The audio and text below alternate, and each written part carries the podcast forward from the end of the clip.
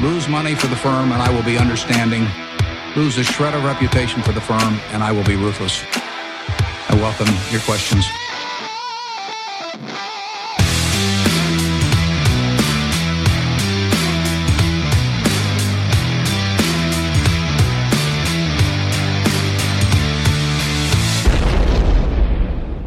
Hej och hjärtligt välkomna till Kvalitetsaktiepodden. Det är jag som är Ola. Jag som är Marcus.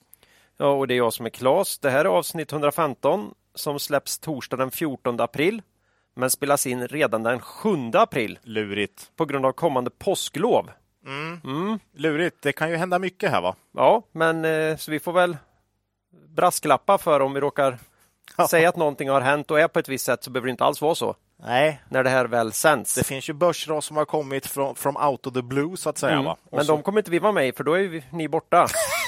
Ja, just får ju det. du sköta dem. Ja, får jag sköta det. Ja. Mm, det kommer gå sådär.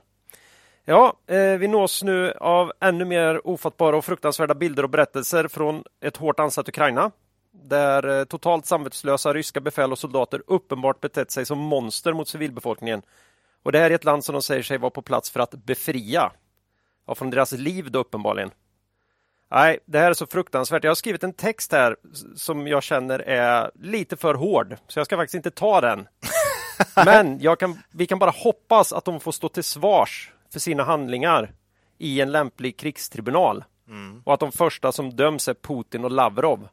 För i slutändan så faller allt det här tillbaka på dem. Men inte så lite på de galna hundar som de också uppenbarligen har släppt lös in i Ukraina. Vi tänker på Ukrainas tappra befolkning och hoppas att den här ja, olagliga, är ett svagt ord, ryska invasionen snart kommer till ett slut. Tack Ukraina för att ni kämpar för oss alla. Dra er tillbaks, kan vi säga. Ryssrackare. Ja, så är det. Så är det. I, I förra avsnittet testade vi en helt ny inspelningsutrustning. Det gick så där va? Ja, projektet fortsätter idag kan man säga. Resultatet blev blandat. De verkar lite det? känsliga de här mickarna. Eh, vår inspelningsmiljö förbättrades kraftigt, men ljudet blev lite hackigt. Inte minst för stackars Marcus. Ja, det är typiskt. Så Ja. var det. Eh, jag vill tacka alla som påpekar det här på ett fint sätt. Eh, jag ber om ursäkt att det dröjde ända till söndagen innan en mer varsamt tvättad version lades upp. Men nu låter det i alla fall, ja man hör i alla fall vad som sägs ordentligt.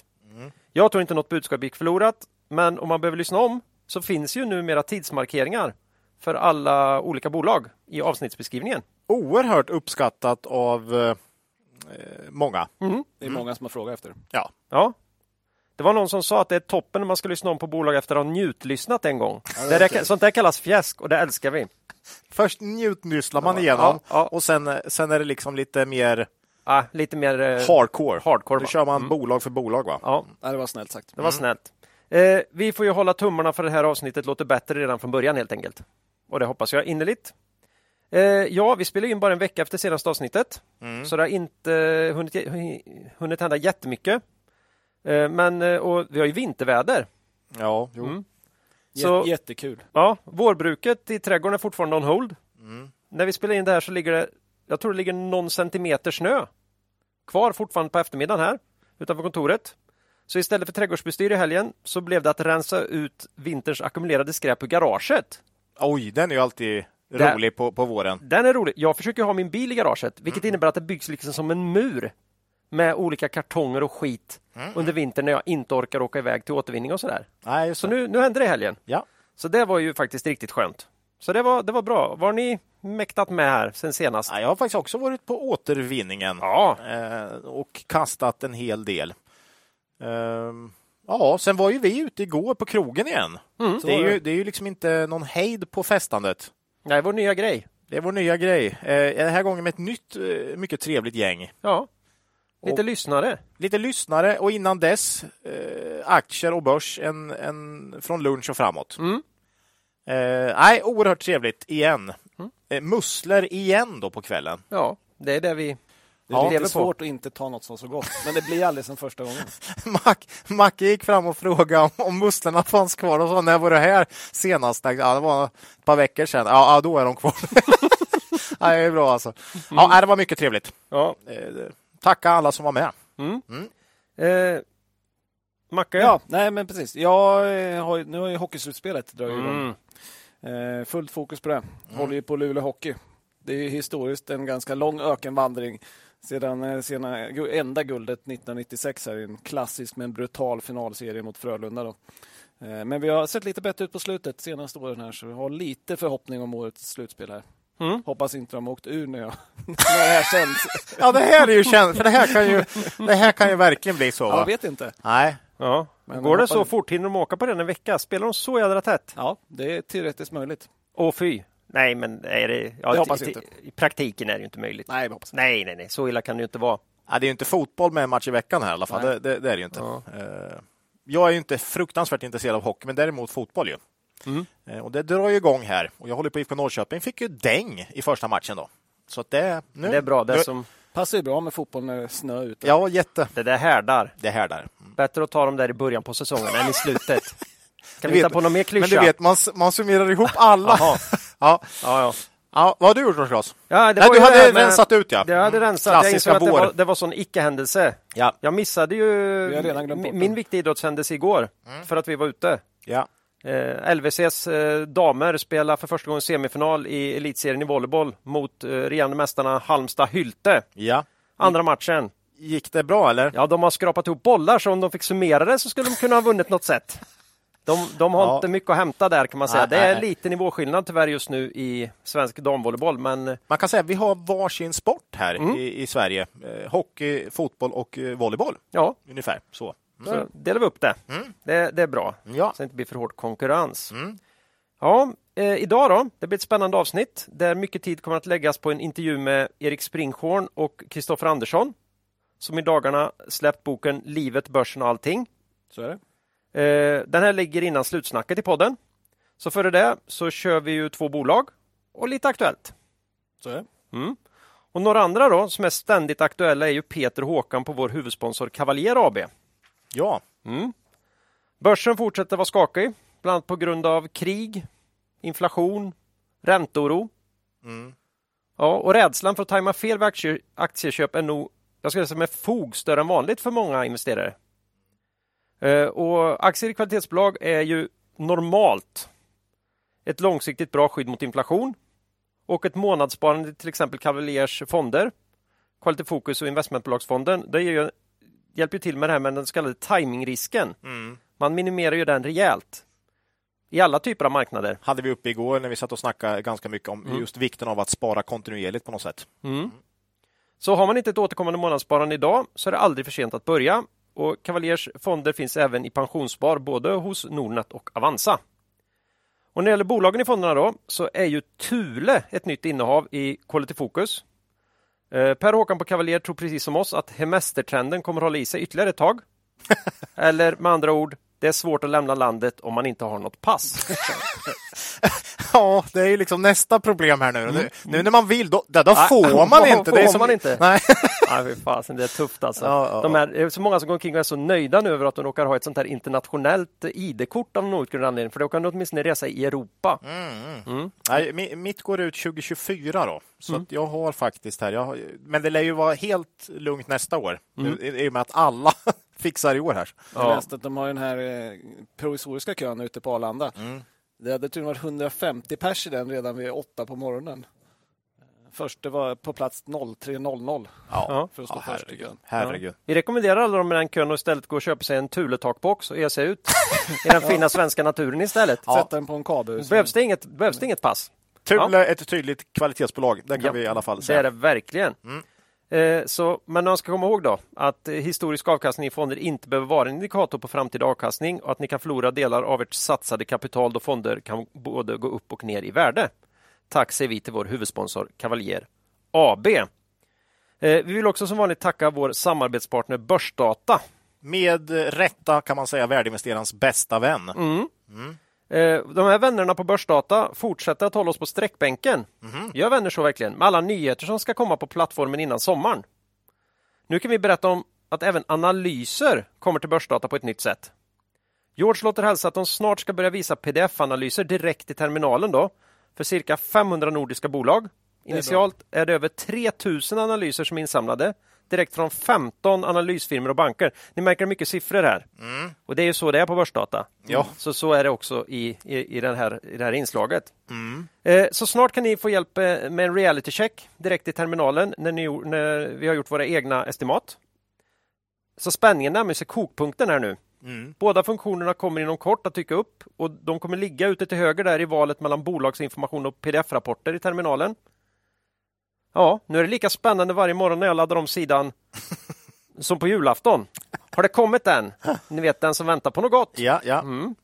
Så glad påsk önskar George med kollegor och tack säger vi till Börsdata. ja Mm. precis. Så är det. Eh, Jag inser ju här att det sista Peter på Kavaljer till mig sa Glöm nu inte att önska alla era härliga lyssnare en glad påsk. Ja, men då, då, då... Så också Då gör vi det. naturligtvis önskar grabbarna på Kavaljer, alla våra lyssnare, Mm. en glad påsk. Ja, Så är det. Det är inte alltid lätt när man skriver manus du. nej. Nej.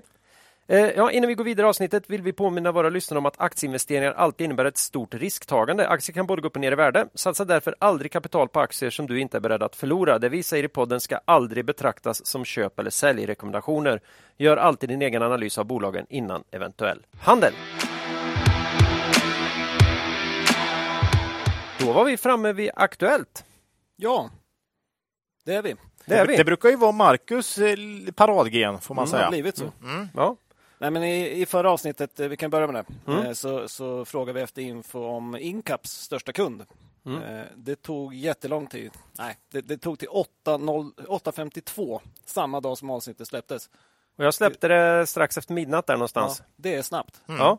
Så att, eh, stor creds där. The power of many. Mm. Nej, men det är jättebra. Eh, Vi fick ett mejl som angav den här kunden till holländska Victron Energy. Eh, De håller på med massa olika produkter som behövs för att installera solceller eh, i hemmamiljö bland annat. Då. Eh, Inte direkta cellerna utan kontrollsystem och så vidare. Eh, Många produkter som känns som ganska heta i nuläget. Eh, Och googlar man dem och Incap till exempel, som jag har testat att göra, så får man fram en hel del dokument från amerikanska tullen. Eh, Där man då kan se att det är ganska stora mängder eh, produkter då som, som kommer via Incap men som är Victrons. Då. Så det kan mycket väl stämma. Ehm, och eh, de här Victron då har haft en väldigt stark tillväxt eh, de senaste åren, eh, vilket stämmer bra överens då med Incaps utveckling som har varit extremt stark.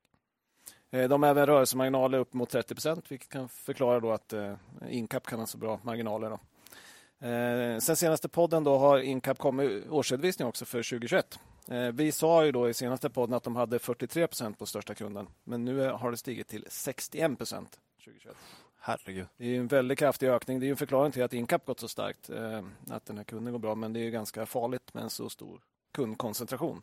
Mm. Ja, det var ju mitt bolag här och ja, härligt att vi fick lite svar där. Ja, Eh, nej men alltså man förstår ju att det här bolaget har gått väldigt bra. Eh, vilka produkter de har och att då Incap som har haft dem som kund har ju dragits med här. Mm. Eh, och det förklarar säkert då, precis som du säger, deras kraftiga tillväxt och förklarar säkert en hel del i deras eh, tydligt högre marginaler mm. än alla andra konkurrenter. Och det här är ju väldigt bra för Incap såklart så länge den här kunden växer och man är nöjd med Incap. Eh, men det är ju såklart en, en väldigt stor risk också eh, om nu eh, det skulle börja gå sämre för det här företaget till exempel så kommer det slå hårt mot Incap om det är 61 procent av deras omsättning. Man kanske bara vill förändra, förhandla om, om avtalet. Mm. Man kanske tycker att Incap tar för stor del av kakan. Då kan ju det leda till lägre marginaler. Mm.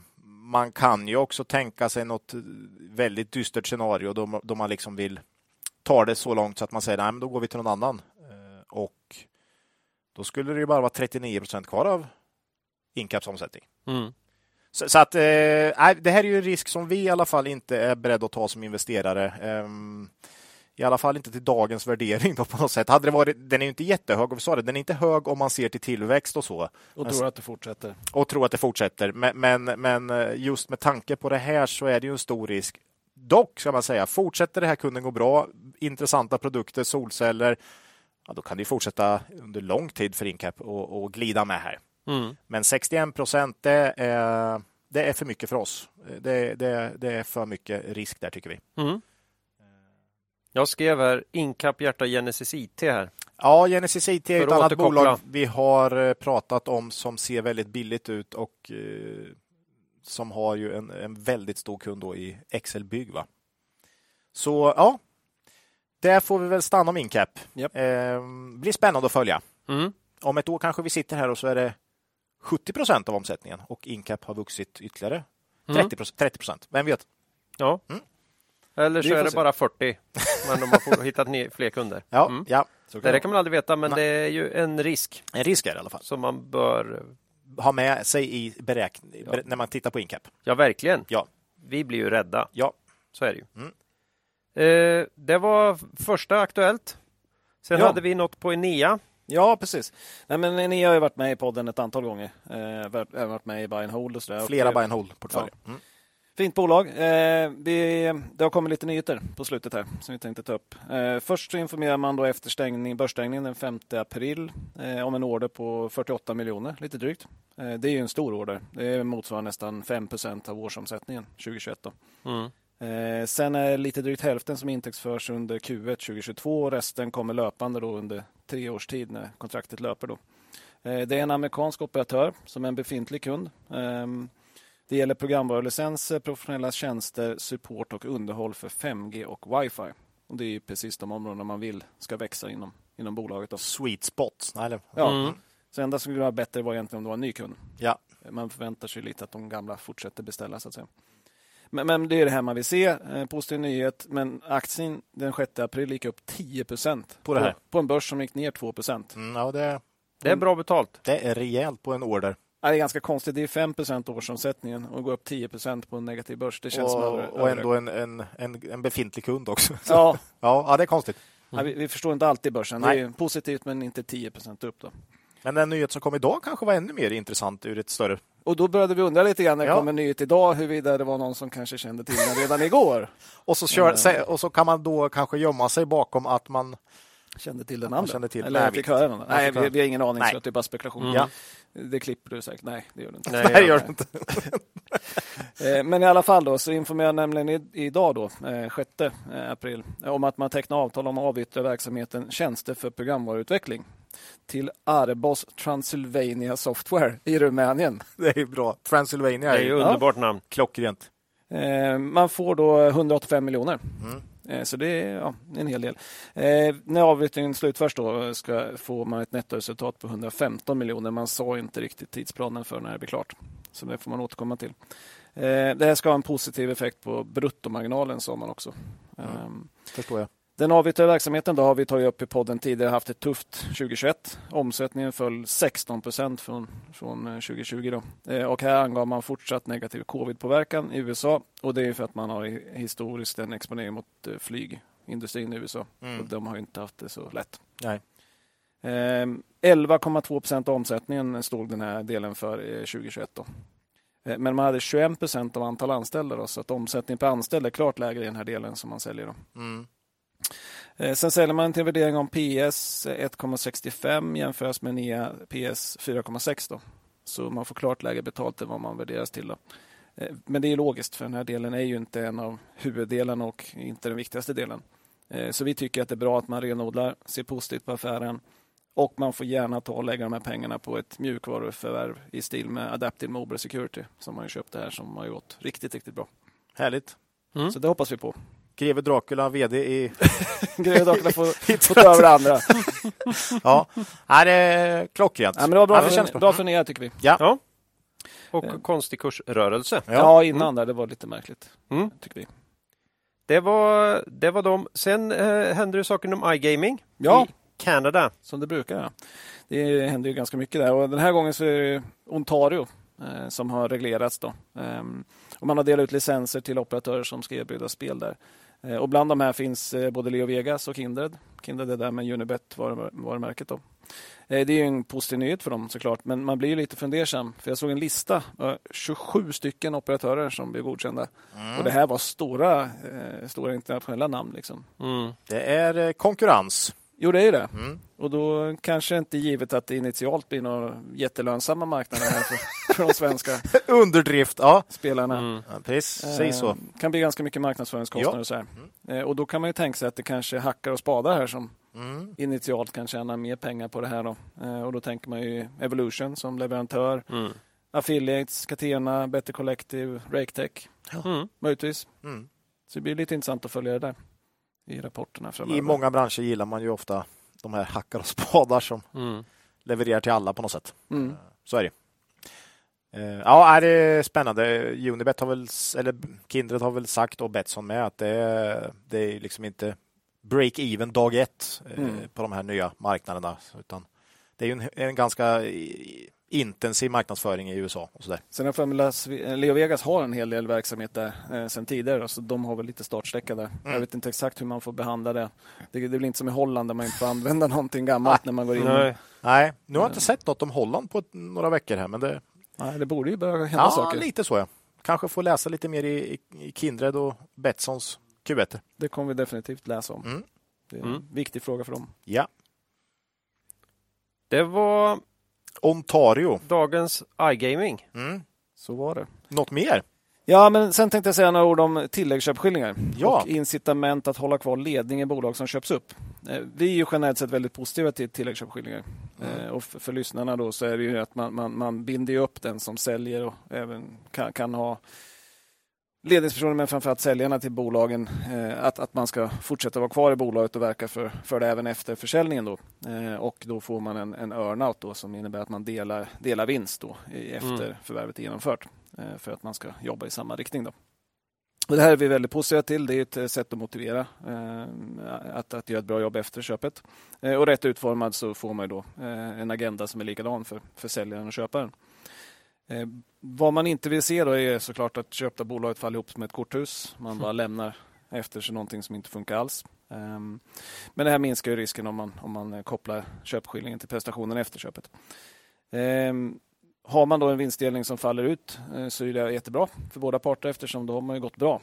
Men sen vill man inte ge bort för stor del av vinsten. Eh, Här, här stod ju ett eh, Stillfront gjorde ett förvärv där man sa att man, man hade en, en möjlig earnout på 1,0 gånger ebitda, det vill säga all ebitda Det är ju ett fint sätt att skriva det på, på något sätt. för 2022, 2023, 2024 och 2025. Oj. All vinst under Men fyra år Har det fram. verkligen blivit rätt? Det låter ju så orimligt alltså. Ja, det tyckte jag också. Men jag har för marknaden inte tyckte det här var så kul heller när det kom. För, mm, alltså det är en sak att ge bort en liten del, men just ge bort 1,0 gånger eh, känns eh, väldigt... För jag, jag, jag, jag tänkte direkt instinktivt att det var en procent man skulle Ja, göra. men Men det är ju för lite, det är lite för lite. lite. Ja, Det var lite mer. ja. Nej, men det ska vara en rimlig nivå såklart. Ehm, och på tal om tilläggsköpskillingar så, så såg vi att Elektragruppen, som vi haft uppe i podden några gånger här, ehm, den 14 mars så informerar man om att man har slutreglerat eh, med säljarna av E- EM Home som man köpte i slutet av 2018. Mm. Eh, Den här slutregleringen innebar att man eh, betalar inte ut någon tilläggsköpeskilling. Eh, Och det innebär att Elektra i gruppen i Q1-rapporten kommer få en positiv resultateffekt på 6 miljoner. Mm. För man löser upp en sån tidig avsättning för tilläggsköpeskilling. Då. Eh, Påverkar inte kassaflödet utan det är bara redovisningsmässigt. Och det här kom ju ut och det tänkte vi, det påverkar väl inte så mycket men, kursen steg kraftigt. Det var 10 upp initialt Ja. Mm. Eh, och stängde 4% upp. Och det här är vi lite svårt att förstå för att Dålig nyhet liksom. ja, eller det innebär ju att det har ju inte gått som man tänkte sig. Nej. Nu kan man, alla som har följt Elektra-gruppen har ju säkert koll på att det inte har gått något bra eh, med EM Home. Mm. Mm. Men, eh, och det skulle man ju också kunna veta då att förmodligen blir det ju att man liksom inte kommer betala ut någon tilläggsköpeskilling. Men nej, jag, förstår inte heller det Nej. alls. Mm. Så det borde inte påverka mycket alls Nej. kan vi tycka. Och en engångsgrej också. såklart. Och en engångsgrej. Mm. Så att, eh, vi ser ju gärna att man betalar fullt på de här. Då har det Mm. gått bra. Ja. Så att, ehm, Om du inte ger bort 100 Om procent man i inte- fyra år. nej, då är det inte lika kul. Eller så är de ganska säkra på att det här inte kommer. Nej. Det är så konstigt. Ja, det är Ja. ja. Det är mycket konstigt. Men, men eh, vi är positiva när när det är sådana här tilläggsköpeskillingar och Ja. om de faller ut. tror Mm. vi är bra. Visst. Eh, Sen är ett tips till alla där ute är att du går och kollar i årsredovisningarna hur man ändrar de här tilläggsköpeskillingarna för att se hur förvärven går. Mm. Ifall man inte får så tydligt beskrivet för sig. Den, Mm. den är ju bra.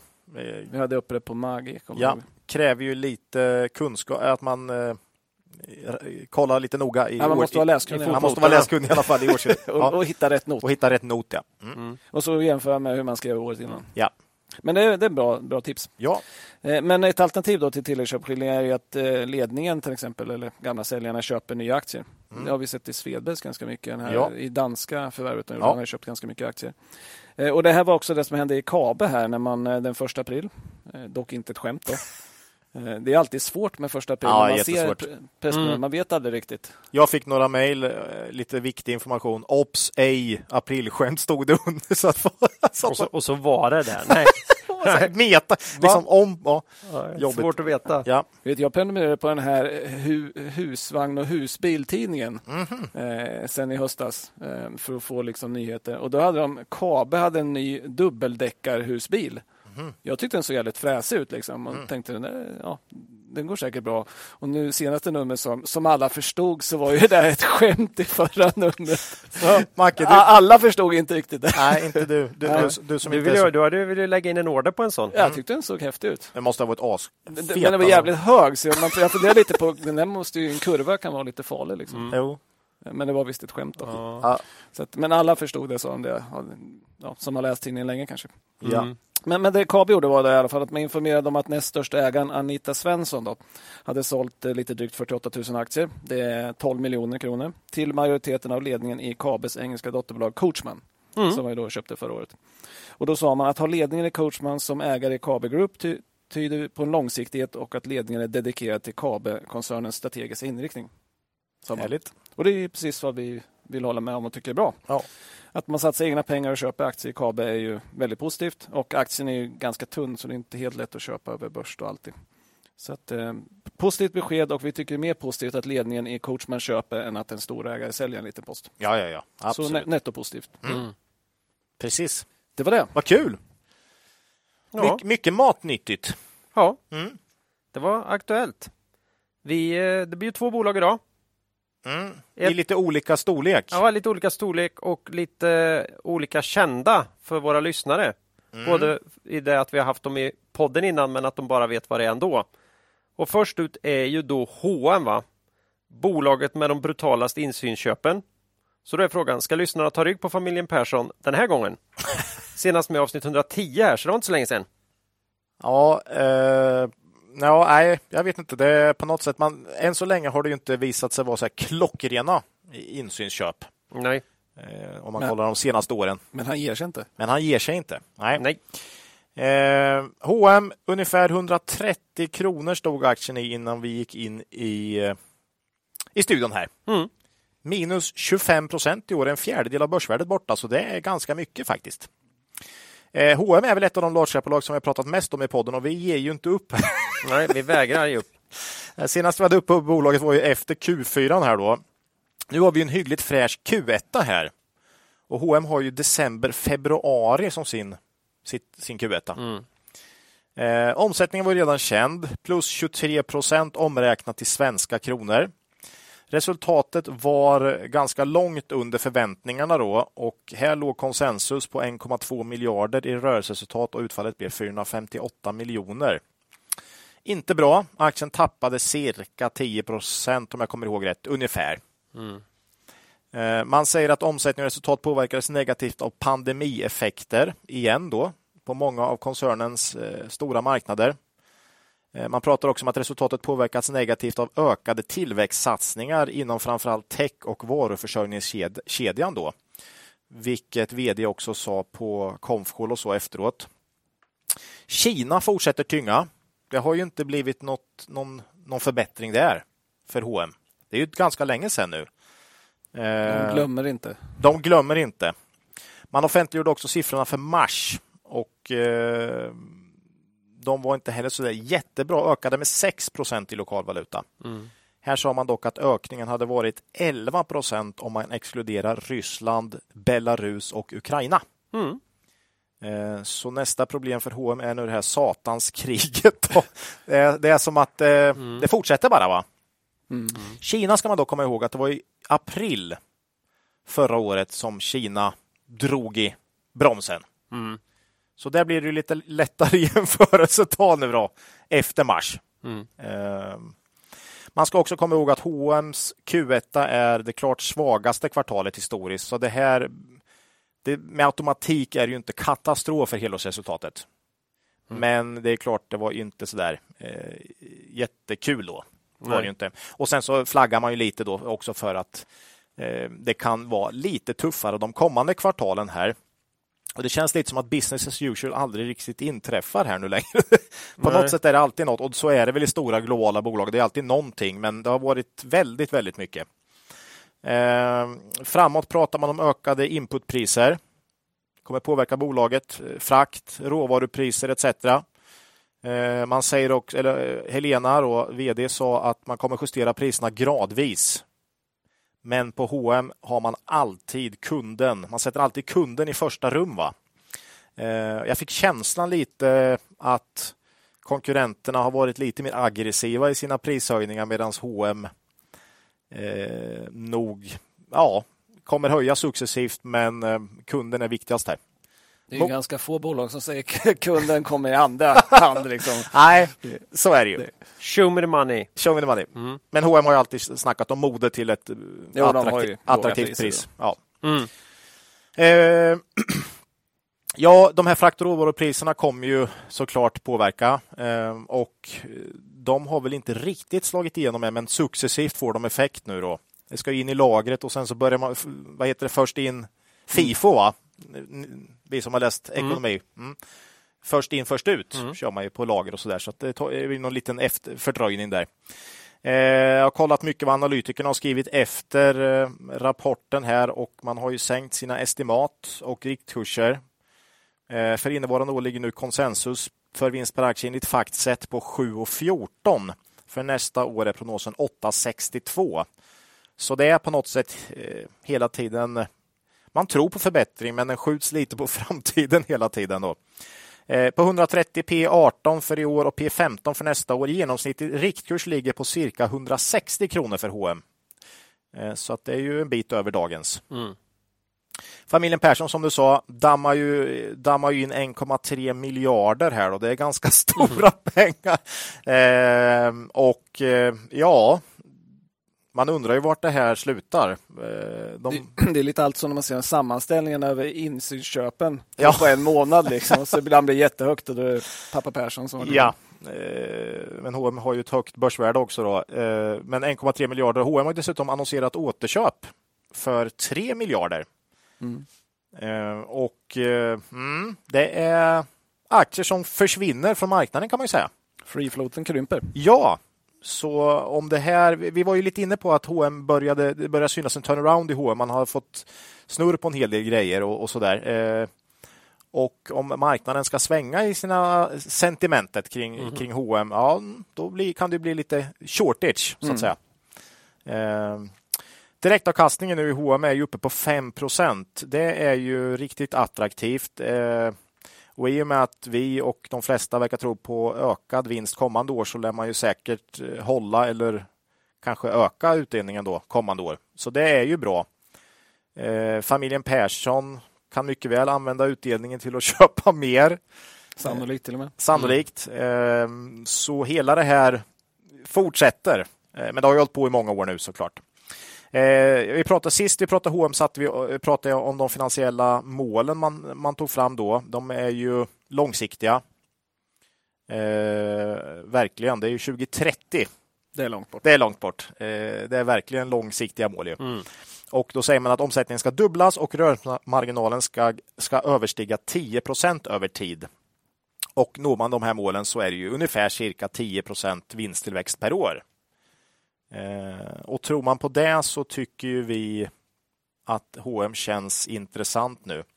Eh, mm, nej, men jag ska försöka summera Q1 och läget nu så är det väl ändå så att eh, flera omvärldsfaktorer fortsätter att liksom påverka H&M negativt och det verkar göra så under en tid framöver.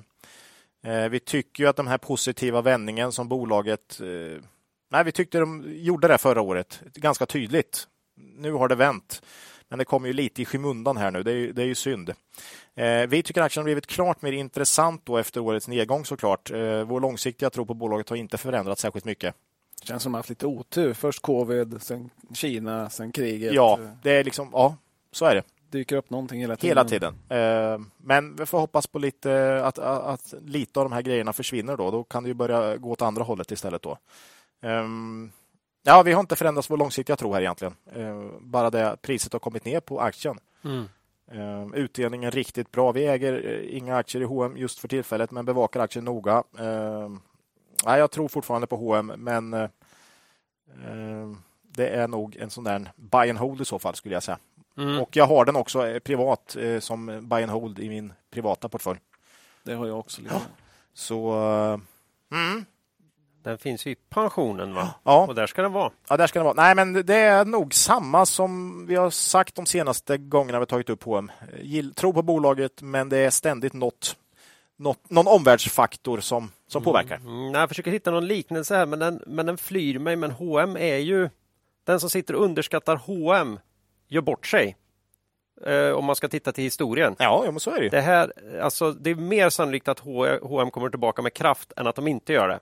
Sen kan alla bolag gå in i riktigt, riktigt tuffa perioder och det finns ju hela, alltså historien är full av storbolag som i något läge helt enkelt inte längre har det. Men att tro att H&M skulle ha blivit trötta eller något sånt där, det Nej, tror jag inte på en sekund. Nej, det tyckte jag de var. Mm. Och jag tyckte att 2021 var en, liksom, en tydlig trendvändning för mm. H&M där de hade liksom vänt de flesta av de nedgående spiralerna och online eh, mycket liksom klart vändning och man, man, man jobbade ganska hårt eh, på, på massa olika fronter och ja, vändningen var ganska tydlig tycker jag så att det är synd med de här omvärldsfaktorerna nu. Men det kan, om man är långsiktig nu, kan det ju ge ett bra ett bra ingångsläge i en aktie som är nedtryckt av omvärldsfaktorer. Då, mm. faktiskt. Mm. Så att det är väl lite där jag är i H&M. Mm. Men, men problemet är det skulle mycket väl kunna gå ner betydligt mer än vad det redan har gjort. Och det är Abs så det alltid är. Absolut, mm. men 5% direktavkastning som jag sa och dumt. man tror ändå på ökad vinst nästa år, vilket då borde man kunna hålla den eller till och med öka. Så att du har en bra utdelning under tiden då. Mm. Eh, så att, mm, H&M, kolla gärna och, och fundera ja. om, om, ni har tid och lust. Mm. Den tackar vi för Ola. Ja, det får nog räcka där. Då går vi vidare till eh, dagens nykomling i podden då. Eh, idag kör ju Marcus så att det röker.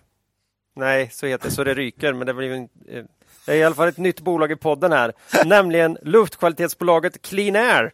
Ja, jag, jag fattar inte först, men nu, nu fattar jag. Det blev lite krystad. Ja, lite Va, vart det krystat? Tycker ni det? Va?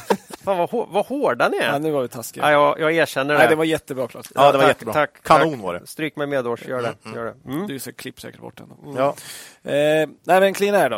Eh, ja. Det här är ett bolag som inte varit med tidigare. Så det blir lite mer omfattande då än, än när det är något som ni har hört talas om tidigare. Ja. Eh, man noterades på First North 12 eh, december 2019. Eh, så inte så gammalt bolag. Man hade en introduktionskurs på 40 kronor, stängde första dagen på 39,65 så det är ingen succé direkt. Nej.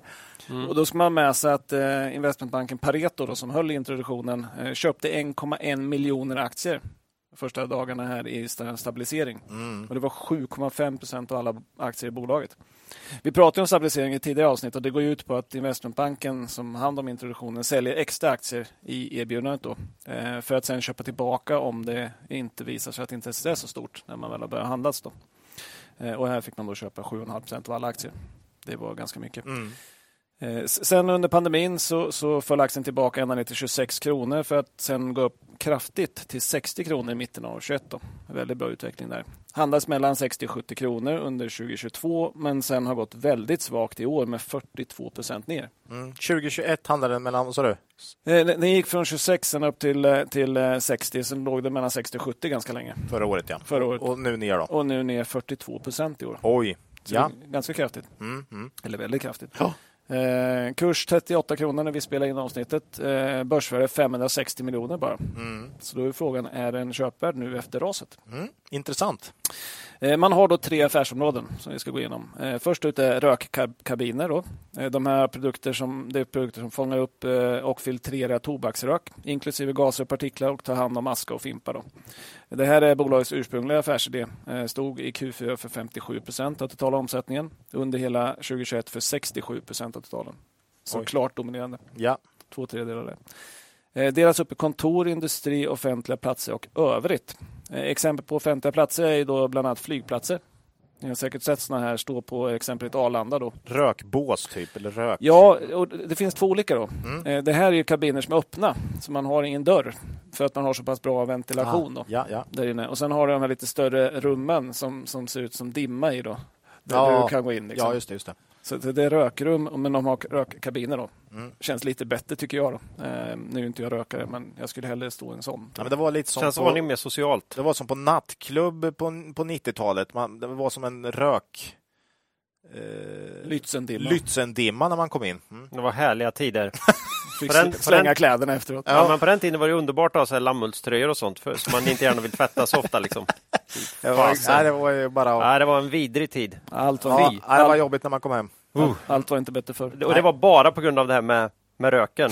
Fast ingen annan anledning till att det var jobbigt att komma hem från krogen nej, på nej, den tiden. Nej, nej, nej. nej, nej, nej, nej. Jag fick ont i huvudet dagen ja, efter oerhört. Ja, röken. Ja, det var röken. Jobbigt, jobbigt. Röken. Mm. Mm. Värdelöst. Ja, nej, men, eh, Tyskland är en stor marknad för produkten, men framför allt i Japan. Eh, här var man väldigt tidigt på plats eh, från Cleaner och är klar marknadsledare säger man själva och eh, premiumleverantör. Så man har en bra marginal på, på de här. Då. I Japan fick man också en kraftig boost av ny lagstiftning som trädde i kraft 1 april 2020. Då kom hälsofrämjande lagen. Det låter väl bra? Mm, mm. Vars syfte var att skydda människor från passiv rökning, vilket gav kraftig tillväxt då, in, mm. inför lagen trädde kraft och en stund efteråt. Men det har sett ut att klinga av lite grann på slutet. Mm. Kommer återkomma till det. Sen har man ett annat område som, som, man, som man kallar luftrening. Då. Här har man lösningar för avlägsna luftburna föroreningar och partiklar, men även viruskoncentration i luften. Och då hör man att det kanske var en liten boost här av covid. Ja, ja. Nej. Nej, nej, nej. Man eh, stod i Q4 för 25 procent av omsättningen. Under 21 stod man för 21 procent. Så lite starkare Q4 än helåret. Då. Eh, största marknaden Norden, Tyskland och igen Japan. Lite samma sak. Eh, levererat historiskt sett i lager, logistik, produktionsmiljöer. Men på slutet har man växt inom kontor, skola och sjukhus. Och den senare kategorin är just pandemirelaterad. Då. Ja. Särskilt skolor har man i Tyskland haft något program där man har subventionerat då, luftrenare för att sätta i skolorna. Sen tycker bolaget att det borde finnas en kvarvarande effekt av att folk är luft, medvetna om luftkvalitet även efter pandemin. Då. Eh, och att betydelsen av luftrening har ökat. Då. Eh, sen kan det ju även, vilket vi såklart inte hoppas på, komma nya varianter av covid. Då. Jo. Eh, man lanserade produkterna i Japan under slutet av 2020 och har stora förhoppningar på att man ska kunna korsförsälja då till de här kunderna som har rökkabiner installerade sedan tidigare. Då. Tredje området, renrum. Eh, levererar modulära, lite större rum för klinisk ren miljö och används inom områden där det ställs höga krav på, på ren arbetsmiljö. Eh, det här kan ju vara sjukvårdsmiljöer, eh, till exempel de har mediciner som bereds och lagras, liksom, måste vara mm. väldigt rent. Men även biotech och medtech då, där man måste hålla arbetsmiljön kliniskt ren. Stod i Q4 för 18 procent av omsättningen och 12 procent på helåret, så det var väldigt starkt i Q4. Här kan man notera att projekten är mycket större och det är mycket slagare mellan kvartalen då, än vad det är på de andra delarna. Här har man lyckats bra i Sverige på slutet och bland annat sålt ett renrum för 7,6 miljoner till Cellink. Det som det hette tidigare, nu heter det Biko. Ganska konstigt namn tycker jag. Mm. Mm. Det finns en Peter Gabriel-låt som heter Biko också. På den, mm. De kanske gillar det, kanske kommer därifrån. Ja, det här är ju någon sydafrikansk ledare, tror jag. Okay. Mm. Ja, man vet aldrig vad, vad, folk hittar namn på. Nej. Det är ju näst, det är svårt där med namn också. Nästan alla namn är ju tagna på företag. Jo, lite så. Det är därför de heter så konstiga grejer nu. Ja. Att, eh, ja, mm. nu ska vi. ja, det var ett sidospår. Ja. Eh, man har stora förhoppningar på USA-marknaden där man, det har kommit nya hårdare regler då, eh, som ska påverka efterfrågan positivt. Tittar man på geografiska marknaden så stod EMEA eh, och då är det främst Norden, Tyskland och några andra länder eh, för 50 procent, så hälften. APAC, och det är främst Japan, stod för 42 och Americas, det är främst USA då för 8 procent. Sen har man efter Q4 levererat 11 396 enheter. Precis. Mm. Ja. Nej, men det, är, det är en uppgång på 19,3 procent från förra året. Och Det här är bra då, för ju fler man installerar, man har serviceavtal på de här. Då. Ja. Sen, sen har de någon, en, en, parameter på att de har renat x antal, Avicii Arena heter det numera, Mm. Globen Ja. tidigare. Ah, Jag tror de är uppe i 11, jag kommer inte ihåg, per dag, någonting sånt. Mm. En ganska kul, eh, kul mått som jag dock inte skrev upp. Nej.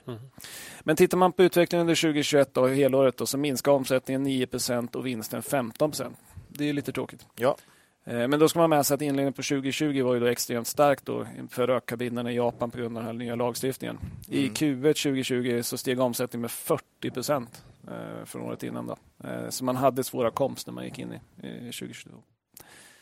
Eh, För eh, i 2021. När man gick in eh, i Q4 2021 då, så var omsättningen upp 11 procent. Så det var lite bättre och det var väldigt olika utveckling då från de olika delarna. De mindre affärsområdena gick starkt. Luftrenarna upp 120 procent. Renrum 72 procent upp. Då. Eh, Och det här tycker vd var väldigt positivt för att eh, då stod de här två delarna för 43 procent av omsättningen. Mm. Upp från 24. Bättre med, Mm. lite, med lite spridning så att säga. Ja, mycket mer spridning. Mm. Eh, lite tristare då att rökkabinerna tappade 16 procent. Men, men bättre spridning i, i Q4. Eh, lite tråkigt då var att vinsten var 13 procent lägre än Mm. föregående år. Och här har man inte lämnat ut rörelsemarginaler för de olika affärsområdena.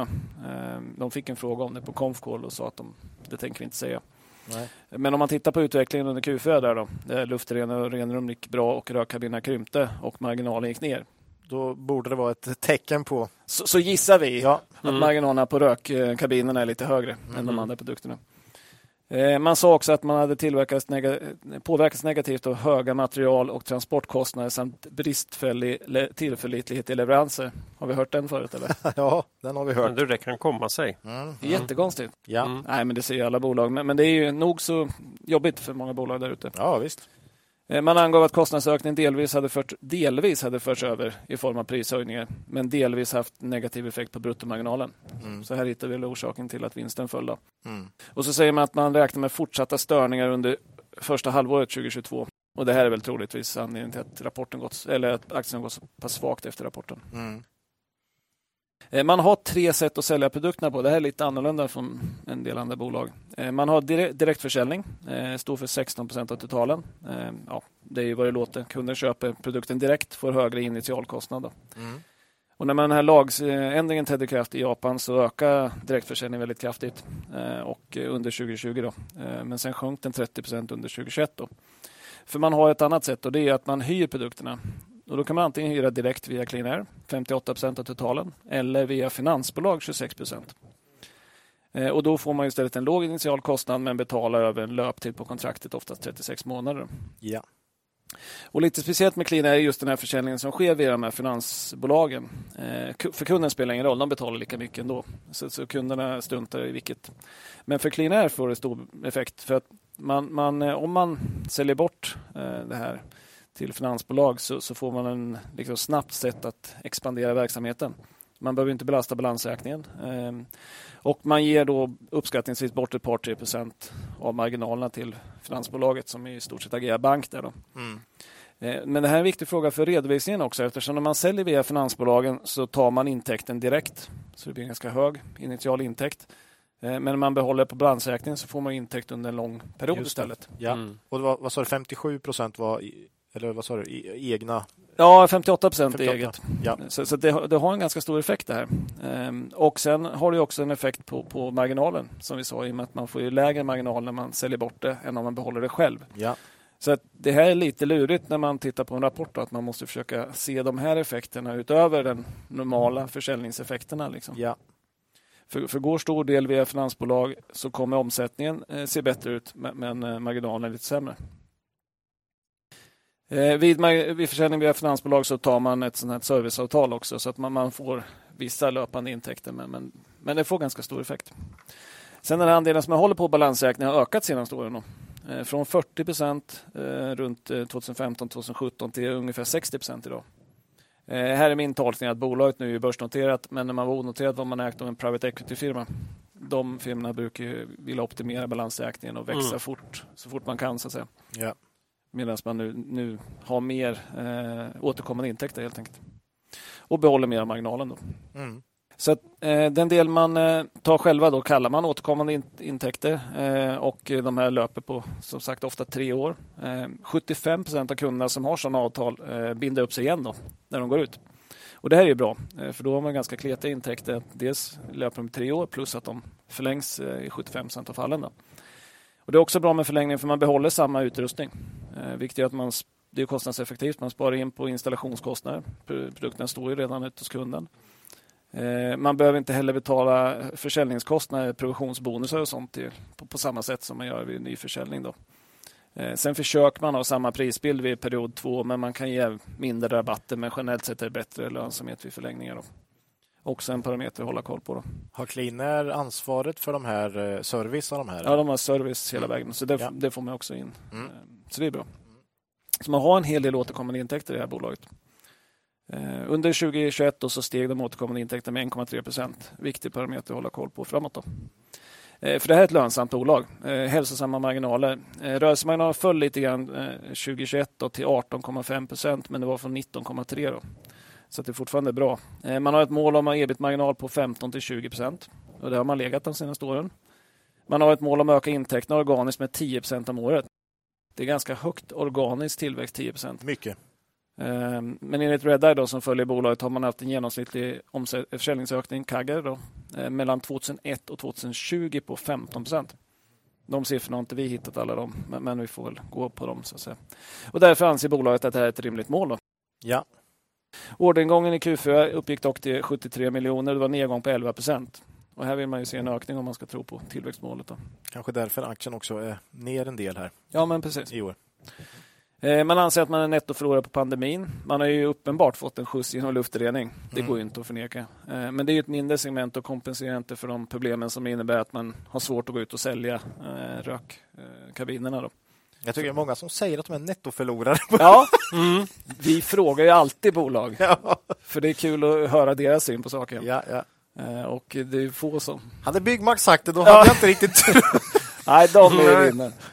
Ja, det har varit eh, tufft. Det har, det har varit stökigt. Ja. Svårt, Svårt att, sälja att sälja plank. Liksom. Det... Ja. Ja. Folk har bara kommit och rivit i det tryckta. Det har varit som plockepinnar på brädgården. ja. Det har inte varit roligt. Nej. Ja, nej, men det är en viktig fråga för vi försöker ju väldigt ofta identifiera vad är tillfälliga effekter och vad är ja. liksom långsiktigt. Ja, det, är så, det är så stökigt nu just med pandemin och, och vad är liksom... Och nu blir det krig och så ja, blir det ja, leveransproblem. Och, sen, ja. och det är ju samma sak. Ibland kan man vara lite så här, ja, raljant är nog ordet här att ja, där gömde de sig bakom den här effekten.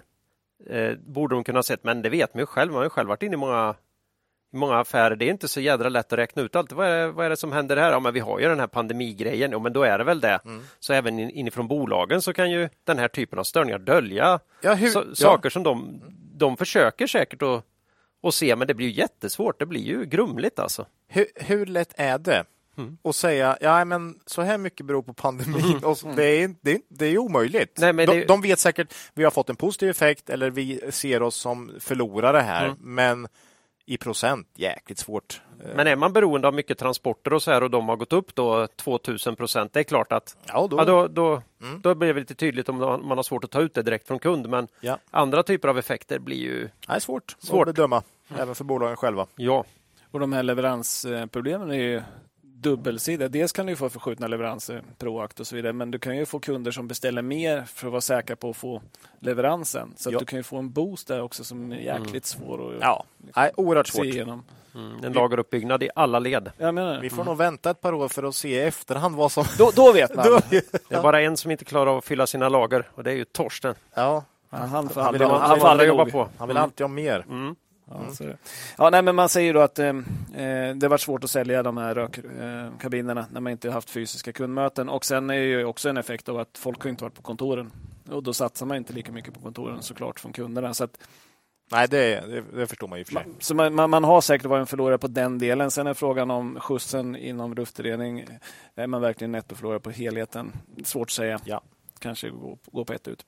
Vi får se när, när vi förhoppningsvis kan lägga covid bakom oss. Ja, jag, jag tycker nästan vi är där va? Det är inte mycket snack om Nej, det hände någonting annat där ja, som tog så. över lite. Ja. ja, idag kom det någon ny, eh, det kanske var för några dagar sedan, men jag hörde det först idag, någon ny variant i Aha. Storbritannien här. Okay. Men alla verkar gå åt det hållet att de blir Mer smittsamma men mildare. Det Ja, blir det- mer och mer förkylning Ja, ja. av det så att säga. Har den fått något nytt namn eller är vi igenom Så jag vet inte snart, någonting med XE eller något sånt där. För Åh, den här var, herregud, den här hur, var hur svårt den, ska de göra? Nej, men det här var ingen Ja. mutation. Mhm. Det, var, det var två stycken olika virus som hade mötts och på, någon, på något sätt förenats i kampen mot Okej. mänskligheten. Så det Ja, var det någon ny. ny. Det Ja, låter jättebra. ja, de är dumma de där virusen. Ja, Nej, men eh, Jag, hörde inte, jag hörde inte hela inslaget ska jag säga ärligt för det var någon, något barnhaveri inblandat i det där också. Men det var något nytt på. men du Okej. skrämmer upp lite. Nej men det var milt. Det, det hann Det höra. var milt. Ja, Ja, då, det var då, milt. det var då Det var jag... Det var Då då, bara hade de sagt att folk dör som flugor här i hela Cambridge. Då hade jag, Då hade jag du reagerat lyssnat hårt. vidare. Mm. Ja, vi tar med oss det. Ja. Mm. Eh, största ägaren då i bolaget är Privac, eh, som jag säkert uttalar helt fel, men det är ett svenskt eh, private equity-bolag. Då. Köpte in sig 2012, eh, minskar vi introduktionen till drygt 40 procent. I april 2021 så minskar man ner till 24 procent eh, som man har kvar. Då. Och här kanske möjligtvis finns en oro på marknaden att de ska släng- sälja resten. Då. Mm. Så kallat överhäng av aktier. Ja. Det har man ju sett historiskt sett att när liksom en huvudägare säljer ut aktier så är det negativt, men när man säljer sista ska man vara med. En sån här clean-up. Ja. ja. För då, då, då, då, då, alla, Sen finns det ingen som... då finns det ingen Ska mer som ska sälja. Nej. Så att, men, om, om de skulle sälja lite mer så, så kan man ju vara med om de gör en clean-up sen på slutet. Eh, men det är ju inte säkert att man säljer här för nu har kursen gått ner så pass mycket och under IPO-kurs. Liksom. Ja, Eh, så jag tror man väntar lite. finns bättre läge kanske. Ja, det borde göra. Eh, tittar man på insynshandeln då så har styrelseordförande Bengt Engström handlat aktier i år för ungefär 750 000 kronor. Har ett innehav på 1,4 miljoner. VD Kristina Lindstedt som tog över vd-posten under 2020 då, har ett innehav på 2,7 miljoner. Hon har enligt årsredovisningen en årslön på 1,8 miljoner. Så det är ungefär en och en halv gånger det. Får väl ses som Mm. en ganska OK pilot. Då. Ja. Eh, Bolaget har nettoskuld till ebitda på 1,4. Inte så farligt. Och här kan man även styra utseendet på balansräkningen lite med att använda finansbolagen mer eller mindre. Då, så att säga. Just det. Eh, De har informerat om en utdelning på 1,5 kronor per aktie. Det är upp från 1,3 förra året. Det är direktavkastning 3,9 procent. Bra. Mm. Och det är ändå bara 38 procent av nettoresultatet. Så det är en hållbar nivå. Eh, Man ska enligt policyn dela ut 30-50 procent. Tittar man på börsdata så ser 2019 väldigt svagt ut. Det var det jag började med när vi tittade på det här och tänkte det här såg inte så kul ut. What is this? What is this? Mm. Men, men då har man en förlust på 0,57 per aktie 2019. Eh, Men det här har det stora engångsposter under Q4 2019 som man måste justera för tycker jag. Eh, Det är 18,4 miljoner i kostnad för notering. Det är rätt mycket pengar. Saftigt alltså. eh, Mm. Men eh, det De är ju rimligt gått att bra. justera. ABG har ju levererat bra. Ja, jo. Så att, eh, nej, men, det- ja, men det måste man justera för. Sen har man nedskrivna internvinster på 26,2 miljoner. Man gjorde något sorts förvärv där som jag inte riktigt har fattat vad det gick ut på, men man var tvungen att göra justeringar. Och justerar man för de här posterna, antal normal skatt, så hade man istället tjänat 1,84 kronor per aktie istället för minus 0,57. Ja. Och justerar man då så ser inte förändringen till vinsten på, på 4,50 sen lika extrem ut. Eh, 2021 hade man vinst på 4 kronor, nedgång från 4,5 med aktiekurs 38 kronor som det var när vi gick in. P 9,5 på rapporterad vinst. Eh, inte jättehögt. Eh, vi har inte följt bolaget tillräckligt länge för att vi ska kunna göra några riktigt bra prognoser på det här. Vi såg att Redeye följer bolaget sedan en bra tid tillbaka. De skrev ner förväntningarna på 2022 med 37 procent när eh, Q4 kom Mm. ut. Så Oj, de ja, men då kan du förklara en del av nedgången här då. Ja. Eh, De tror nu på en vinst per aktie på 3,4 3,40 för 2022 och sen 4,60 för 2023. Det ger P 11,2 och 8,3. Ja, det, är de- de inte, får rätt. det är inte högt. Nej, Det, är här inte- är ju ändå ett kvalitet... Ja, det hade inte varit med i podden om, det inte, Nej, om vi inte hade sett det som ett, ett bra bolag. Men, men mm. För det är bra historik här. Ja. Eh, Vi tycker generellt sett inte man ska lägga för stor vikt i riktkurser, men, men man kan konstatera att Redeye de har ett motiverat värde i sämsta scenariot på 41 och i bästa scenariot på 117. Och kursen är då under sämsta scenariot. Ja. Eh, värt att notera ändå. Eh, men en bolag med så här stor andel återkommande intäkter och så här hög lönsamhet brukar inte handlas på den här typen av multiplar. Eh, och det är väl för att man inte växer och att man är lite orolig då. Eh, Jag tänker på de här eh, lagar och regler i olika länder mm. Som kanske kan få, ha ganska stor effekt på deras eh, intäkter, både ökade och minskade. Mm. Eh, Regulatorisk risk va? Ja, men också säg att nu liksom det ska ju vara ett land man röker i och där man nu måste ha en sån här. Ja. Eh, I Sverige vet jag inte, då får du ju inte ens får du inte ens sätta in sån här antar jag, eller? Nej, inte, Du måste ju vara utomhus. Ja, det, ska du ställa upp en sån här måste du ändå göra ett se- separat rum som man absolut inte behöver gå igenom för att ta sig till andra delar av en, Nej, av en krog. Så, nej, men så, så det ska vara rätt förutsättningar Mm. i, i landet då. Japan verkar ju ha rätt förutsättningar här. Då, då. Ja. Men en risk skulle ju kunna vara om man helt förbjöd rökning i Japan. Ja, du, ja, ja, visst. Inte ens för Men var det inte Frankrike som gick dit direkt? Nej, det är något Holland. Holland. kanske var. Mm. Något land har ju verkligen bara hoppat över alla mellansteg och sagt Mm. att det blir inget. Och då, Nej, och det är frågan om det håller i och för sig. Ja, vi får se. Då, då får de börja snusa, Holland? Då får de börja Nej. snusa istället. Mm. Vi kan fråga våra lyssnare igen. Vilket land Mhm. förbjuder rökning? Eller håller på att förbjuda ja, det är rökning? nog många. Ska- Då kommer de svara Nya Zeeland allihop.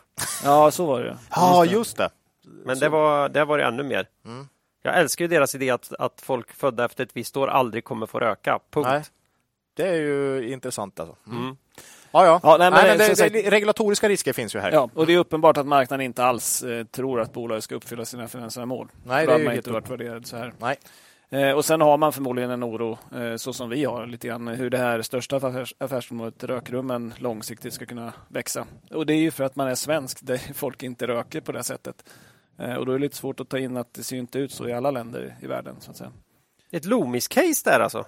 Lite så. Ja, och kunde man bredda sig här, kanske få nya geografiska marknader och så, det, då blir det ju riktigt intressant. Alltså. Och, och det de säger är att de satsar ju mycket på de här andra två Ja, områdena. Eh, och det. de har ju växt och det var ju 43 procent nu i Q4. Hur är det med förvärv och så? Har man... Nej, hit, historiskt har man inte gjort det. Nej, nej. Eh, kan tänkas, men eh, det verkar inte som huvuddelen ska gå, utan det ska vara organiskt. Mm.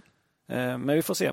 Men det är ju rimligt också att de här varningarna för, för att man ska påverkas under första halvåret med input, eh, inflationsproblem och leveransproblem eh, gör att många avvaktar. Ja. Eh, Vi har inga aktier i firman i nuläget av just de här anledningarna.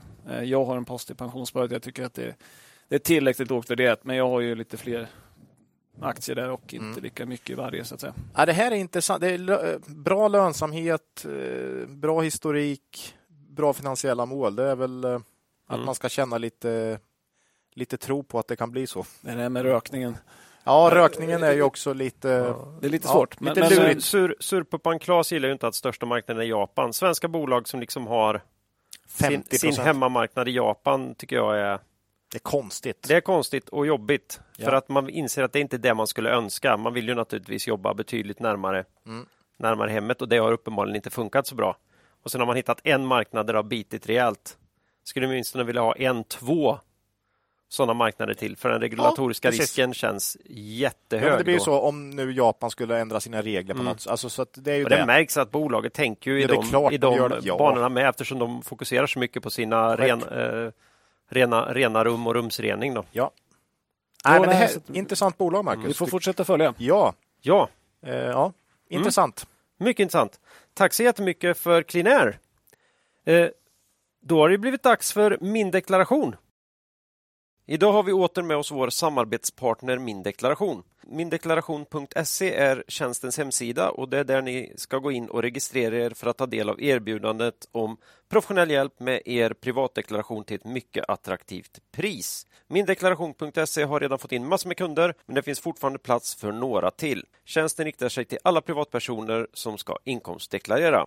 Per på min deklaration berättar att det fortsatt är stort intresse från privatpersoner som sålt en bostad under 2021. Det kommer även frågor från personer som sålt tidigare och nu funderar på om de borde gå tillbaka och rätta upp tidigare år för att eventuellt nu kunna komma åt räntefritt uppskov eh, på skatt eh, på vinster från bostadsförsäljningarna. Det är nämligen så att min deklaration kan hjälpa till att rätta upp deklarationen upp till sex år tillbaka i tiden. Detta är en generell rätt som alla har och gäller alla delar av inkomstdeklarationen. Utöver bostadsförsäljningar har intresset varit stort att få hjälp med handel som skett i vanliga aktiedepåer och inte minst hjälp att hantera handeln med kryptovaluta. Naturligtvis vill även många privatpersoner ha hjälp att bara kolla sina deklarationer efter avdragsmöjligheter för 2021 och kanske eventuellt tidigare år. De av er som vill ta chansen och få riktigt prisvärd hjälp med deklarationen ska helt enkelt gå in på mindeklaration.se och registrera er. Och när ni gjort det, missa inte möjligheten- till ett extra bra introduktionspris för våra lyssnare. Vid betalningen anger ni bara värdekoden KAP, KAP och får då tjänsten för bara 499 kronor. Tjänsten är öppen och det går att deklarera om även om ni, redan, om ni redan lämnat in en deklaration. Sista inskickade deklarationen gäller. Tjänsten kan också ofta ordna förlängd deklarationstid en bit in i maj. Missa nu inte chansen att pröva mindeklaration.se till extra förmånligt pris detta år. Ange bara koden KAP vid registrering. Mm. Tack säger vi till Min deklaration. Tackar, tackar.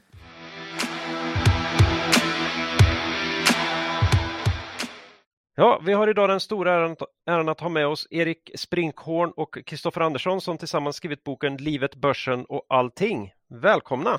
Tack så mycket! Tack så mycket! Eh, du Kristoffer har ju skrivit flera böcker inom inte minst börspsykologi och du Erik är ju känd fondförvaltare som driver TIN Fonder som du grundat med Karl Armfelt. Eh, kan ni inte berätta lite kort om er själva och varför skriver ni den här boken tillsammans? Jag låter Erik gå först. Ja, okej. Okay. eh, jag är, eh, har jobbat i aktiemarknaden i eh, över 25 år. Eh, analytiker och förvaltare eh, längs hela resan och eh, jobbat i både små och stora organisationer men nu senast innan TIN Fonder en, mitt alma mater Swedbank och där Eh, kände väl både Karl och jag att, att om vi ska fortsätta springa fort och, och, göra det vi gör och dessutom kunna fokusera på det som är allra roligast, nämligen teknik och innovation, då, då måste vi göra det i egen regi. Och eh, för drygt tre år sedan så startade vi då TIN Fonder med, som idag förvaltar två fonder, TIN Ny Teknik och eh, TIN World Tech. Eh, jätteroligt att eh, jag kan berätta att eh, vi tror, vi vet inte säkert, men eh, bortåt 300 000 människor har faktiskt investerat i våra fonder, vilket är eh, den roligaste datapunkten jag har att, prata om egentligen. För det, det är ett enormt stolthet och, och ödmjukhet vi, vi eh, har tagit emot alla dessa investerare via olika plattformar. Häftigt. Mm. mm. Ja, stort grattis till det, Erik och även Karl. Wow, 300 000. Kristoffer eh, Andersson, mm, privatinvesterare, eh, jobbar till vardagen som lärare i svenska och eh, historia på ett gymnasium i Motala. Och eh, vid sidan av det så är mitt stora intresse investeringar och även kanske den mer psykologiska aspekten av det. Just därför har jag skrivit mina tidigare böcker om börspsykologi. Och filosofi är också någonting som står mig varmt om hjärtat, vilket Erik och jag har vävt in i vår gemensamma bok som släpptes för ett par veckor sedan har varit mer aktiv eh, investerare sedan strax efter finanskrisen. Innan dess var jag mycket på, ja, i fonder och eh, nu är jag mer rikt, eh, inriktad mot eh, rena aktier. Mm. Och ursprunget, eh, ja nej men förlåt, men jag tänkte bara ursprunget till boken eh, och det har ju att göra med, med den här boken Mer börspsykologi som Kristoffer skrev och där jag hade eh, nöjet att vara lite spökläsare kan man väl säga och, och satte dessutom en så kallad blurb på den. Så, eh, och eh, en tid efter det så, så ringde Kristoffer och sa ska inte vi skriva bok ihop? och jag, jag var väl lite motsträvig, jag har ett heltidsjobb och, och, och dedikerat till det och sådär men, men men som tur är så, så gav sig inte Kristoffer och, och någonstans har jag väl haft i mig att, att man har skrivit mycket texter, om det är månadsbrev eller krönikor eller, eller olika blogginlägg och liknande. Så att, bara skrivit kortare texter, så det var lite eh, övermaga att tro att man skulle skriva en bok någon gång. Men Kristoffer eh, fick mig in på den rätta vägen här. Ja. Är det många som har det på sin, på sin bucket list att någon gång skriva en bok, men det är väldigt få som tar det hela vägen. Så det får man ju verkligen gratulera till. Eh, jag tänkte faktiskt på det här med, med bokens namn. Vi får inte missa detta att det är ju en hyllning till den framlidne Douglas Adams. Exakt. Och hans mästerverk Liftarens guide till galaxen. Mm. Eh, det här med, man ska väl inte jämföra genrer, men jag, jag håller nog det här som en av de bästa böcker som någonsin har skrivits. Så, så det gjorde mig väldigt glad och vogonerna är till och med omnämnda här i boken. det, och, och, och kalla det, man, man, skulle kunna vara kritisk då, självkritisk och säga att det är en, en höggradig liksom, renommésnyltning på den gode Douglas Adams. Men, men jag, jag, vill, jag tror vi båda vill se det mer som en hyllning och, och en, en, någonting som funkade väldigt bra med liksom ambitioner vi, ville, vi hade med att skriva den här boken. Mm. Ja, Nej, men det, det, tycker jag ni har hanterat med all önskvärd ödmjukhet för det väldigt roliga kopplingar också där. Eh, så det, det, var härligt. Det blev en bra start.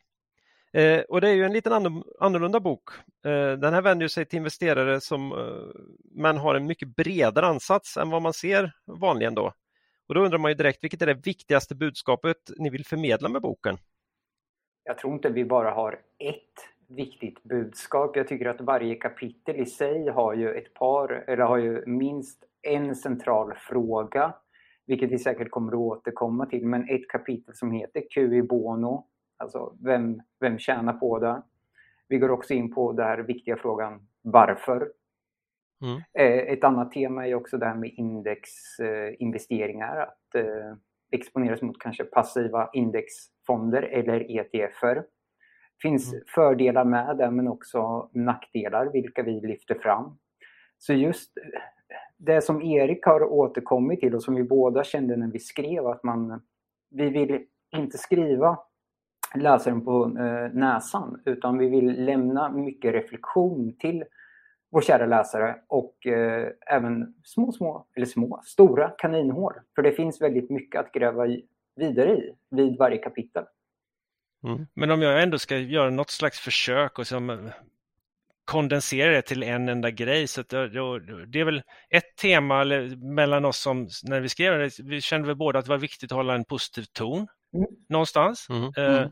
förmedla en, en, en, någon form av optimism och, och, och en, en, kanske en kärlek till aktiemarknaden som trots allt är en fantastisk plats. Och en, mm. en, den stora uppmaningen, om, det, om man ska kalla det så, men ändå en, en takeaway från boken är att tänk, förkovra dig. Det, mm. det är mm. två, eller, om man nu ska vara, försöka liksom koka ner det till något slags eh, salt på botten av grytan här. Mm. Mm. Men, ni talar i boken mycket om att berättelser är väldigt viktiga för att få fram budskapet och ni använder det i boken också. Var, varför är berättelser så viktiga för, för att få fram budskapet? Berättelser har ju alltid varit en källa till eh, spridande av kunskap. Eh, om vi går tillbaks till människans tidiga historia. Eh, förr var det extremt få som kunde läsa och skriva och kunskap förmedlades vid lägerelden. Eh, bästa sättet för människan att eh, skapa ett minne är ju via berättelsens form. Och det är ju någonting som vi exponeras mot än idag. Vi tar ju exemplet med Elon Musk och Tesla. Han säljer in sin story och på något sätt, eller på något sätt, eh, på det här kan ju människan sen relatera till det. Man kan föreställa sig själv i den här berättelsen och vilken roll man spelar. Eh, så berättelser är någonting som är hård, vet du, hårdkodat hos oss. Mm. Men man kan, alltså Harari och Sapiens är en, en inspiration, den boken, och, och han mm. kallar ju människan för det historieberättande djuret. Vi, vi är ju ett socialt flockdjur och, ehm, och det, det som gör oss unika är att vi har en talapparat som vi faktiskt kan förmedla saker till varandra. Och det är därför det, det sitter så djupt i oss och påverkar oss i så hög grad.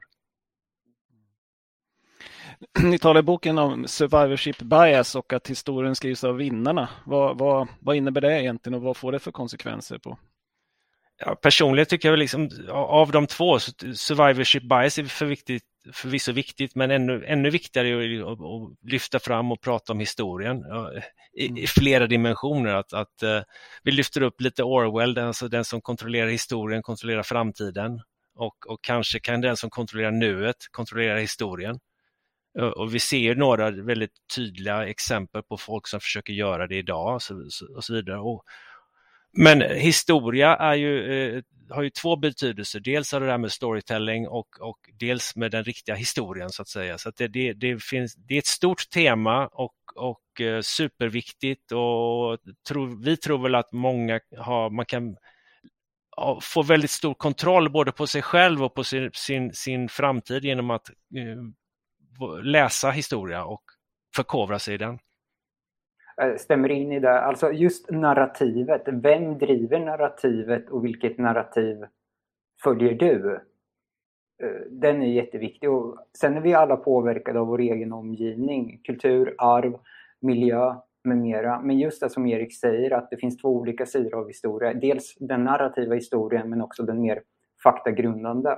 Att slå samman dessa två och veta vilket som är vilket eh, kommer att hjälpa dig både som människa men framförallt som investerare.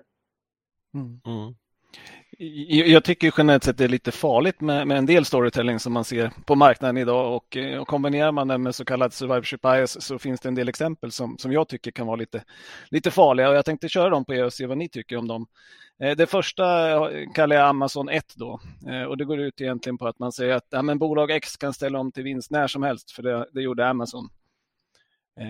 Och det hör man ibland. Vad, vad, vad säger ni om ni, ni stöter på det? Ja, det, det, är, det är ju en väldigt kraftfull historia eftersom eh, det, det, är ju nästan legendariskt att Amazon var en av de få bolag som faktiskt kom ur eh, den så kallade techbubblan som egentligen var en telekombubbla eh, med en, väldigt, en bra rutsch ut ur det och, och men körde hår, stenhårt på tillväxt och, och visade aldrig någon, någon vidare ja, de gick med förlust varenda kvartal under lång tid och till slut så blev de ifrågasatta och, och de hade visserligen sagt att vi återinvesterar allt i tillväxt. Det, det här är, vi bygger värden på lång sikt. Men, men så till slut så, så lackar väl eh, Bezos ut på aktiemarknaden. Så då, då vände de till 10% rörelsemarginal under ett kvartal och sa haha, här ser ni. Och, och sen dess så är det aldrig någon som har ifrågasatt dem. Och precis som du säger, det här är ju en väldigt eh, eh, potent historia som självklart är, är, bolag som inte alls har den kraften. Eh, gärna, eh, igen då, renommésnyltar om jag får kalla det så, på. Mm. Det, det, jag håller med om att, att det, det är inte applicerbart på alla bolag direkt. Utan... Nej, och det är jag lite, mm. lite rädd för att man använder just på det här sättet att, eh, att ja, men eftersom de kan, eh, kan, kan vända till vinst när som helst så kan vem som helst göra då kan man ja, fortsätta köpa bolag som inte är lönsamma för att det, de kan vända när som helst. Och, och lite i Amazon är att man, om man tittar på vad de tjänar pengar på nu så är det ju verksamheter som de inte hade från början, det vill säga web services och, och försäljning av annonser och så vidare. Så den gamla verksamheten är ju inte jättelönsam i nuläget heller. Så jag, jag ser en liten risk i att man, man jämför med väldigt framgångsrikt bolag som gick med förlust länge, men, men det är inte alla förlustbolag som kan vända så att säga. Men, men storyn finns där så att säga. Absolut. Eh, tvåan är Amazon igen då och, och du var inne och touchade lite på den. Då brukar man ju säga det, ja men Amazon gick ju ner 95 procent i it-kraschen och sen har de gått upp x tusen procent.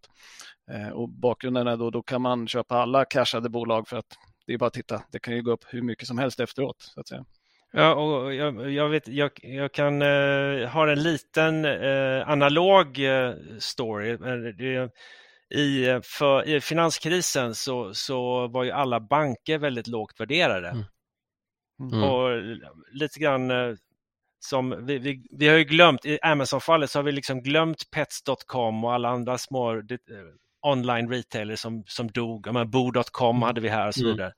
Men i, i, bankkrisen då, eller finanskrisen så, så uh, satt jag på Brummer och Partners i det läget och, och tittade på, på det här och, och um, de, banker var ju extremt lågt värderade. Så mm. vi, vi, tänkte att vi, vilka, och vilka var lägst värderade då? Men det var de irländska bankerna, de handlades alla under 0,1 gånger bokvärdet. Mm. Och lägst av alla det var Anglo-Irish som handlade på 0,04 gånger bok. Och då visste det, det fanns en annan institution i Stockholm som ägde någonstans 5% av den banken så vi bad en mäklare försöka lyfta bort den eh, posten från dem och, och sådär. Men, men de ville inte. Eh, så vi, vi, eh, vi var ändå väldigt intresserade av att köpa just, just den där då, för att den var ju absolut billigast. Men så, mm. så, så gick de faktiskt i konkurs över helgen och, och styrelseordföranden och vdn blev, blev häktade. För och, och sen måndag morgon, då var man inte sugen på irländska banker överhuvudtaget. Men saken är den att, att eh, det där var ju, eh, eh, fanns ju ingen survivalship där, men, men hade, hade vi istället köpt en korg av, av de fyra irländska bankerna, mm. Varav en mm. gick i konkurs över helgen, och om jag hade ridit ut det där så hade vi haft fem gånger pengarna i alla fall. Mm. Med en hitrate på lite... tre av fyra. Liksom. Det är lite argument för en fond där då? Eller? Nej, det, det ska jag inte säga. Det, det är kanske mer ett argument att stirra, stirra inte blind ja. på, på optiskt låga värderingar. Man liksom, mm. Tänk systemiskt där istället. Mm. Eh, nej, den, och den sista, det, det, är egentligen Alphabet eller Google. Då. För, och, och, den här har jag faktiskt sett från en fondförvaltare för inte så länge sedan. Eh, så, som i princip sa så här att nej, men det, det, det hade gått bra att betala 5 000 gånger Googles vinst vid eh, introduktionen och man har ändå fått bra avkastning ända fram till idag. Och det är lätt man... att säga i efterhand. Mm. Ja, det är sån där truism som, jaha, ja. och vad betyder det då? Ja, precis. Mm. Och vad vill du säga med det? Mm. Vad, vad där, kan du identifiera nästa alfabet eller Google för mig?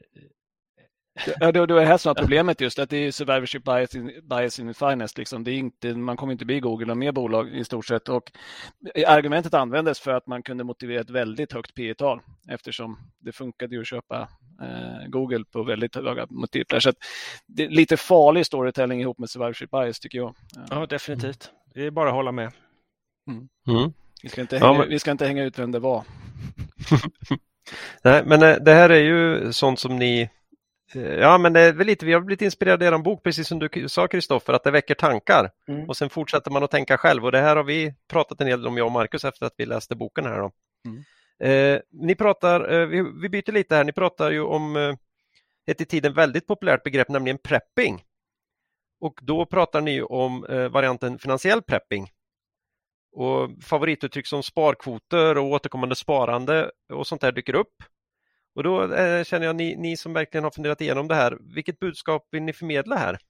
Vi, vi har ju ett slående citat där som är att eh, spara som en pessimist men eh, investera som en optimist. Och mm. vi har ju, både Erik och jag, förhoppningsvis alla som verkar på börsen har ju en positiv syn på framtiden. Vi tror på utveckling, vi tror på människan och, Eh, och människan skapar ju i sin tur bolag som hela tiden förhoppningsvis utvecklas. Så vi är väldigt positiva. Men för att överleva den här resan måste du alltid se till att du har medel att ta dig i mål och det är därför du också ska se till att spara lite som en pessimist så att du hela tiden överlever dagen eh, som är en resa. Och finansiell prepping, det kan man väl uttrycka, det finns ett engelskt eller amerikanskt uttryck som är barbell strategy och det, det går ju tillbaka till en skivstång. Där du har mm. en tyngder i bägge ändar och, och eh, här är väl tyngden i ena änden att man kanske har någon slags eh, eh, baskapital som, inte, som man inte utsätter för några sväng, svängningar eller större risk. Och, och, men så har man ett väldigt offensivt kapital på andra sidan. Liksom. Det, det, är en mm. variant. Men det, det, det viktigaste är ändå att, att aldrig, ut, aldrig göra saker som gör att man riskerar att förlora allt. Mm. Till exempel att skuldsätta sina eh, investeringar, det tycker vi är en ganska dålig idé. Även om jag vet att det är väldigt populärt och, och vissa kör strukturellt med 10-15% belåning hela tiden. Och det funkar för Sjunde AP-fonden tycker de. Men jag, jag personligen så föredrar jag äh, eget kapital och ingen, inga lån i, i investeringar. Mm. Ja. Men det är någonting vi delar, Erik och jag. Och eh, samtidigt så måste man också återgå till att ja, eh, det finns de som verkligen klarar av det här med belåning och som Erik säger, Sjunde AP-fonden har det gått jättebra för. Men till syvende och sist är vi också människor och vi är inte robotar. Det är också viktigt att du lyssnar på alltså, magen och huvudet. Du ska kunna sova gott också. Mm. Du ska också kunna verka i vardagen. Det är någonting som många ofta glömmer bort när man investerar. Mm. Man glömmer bort att man är av kött och blod och dödlig.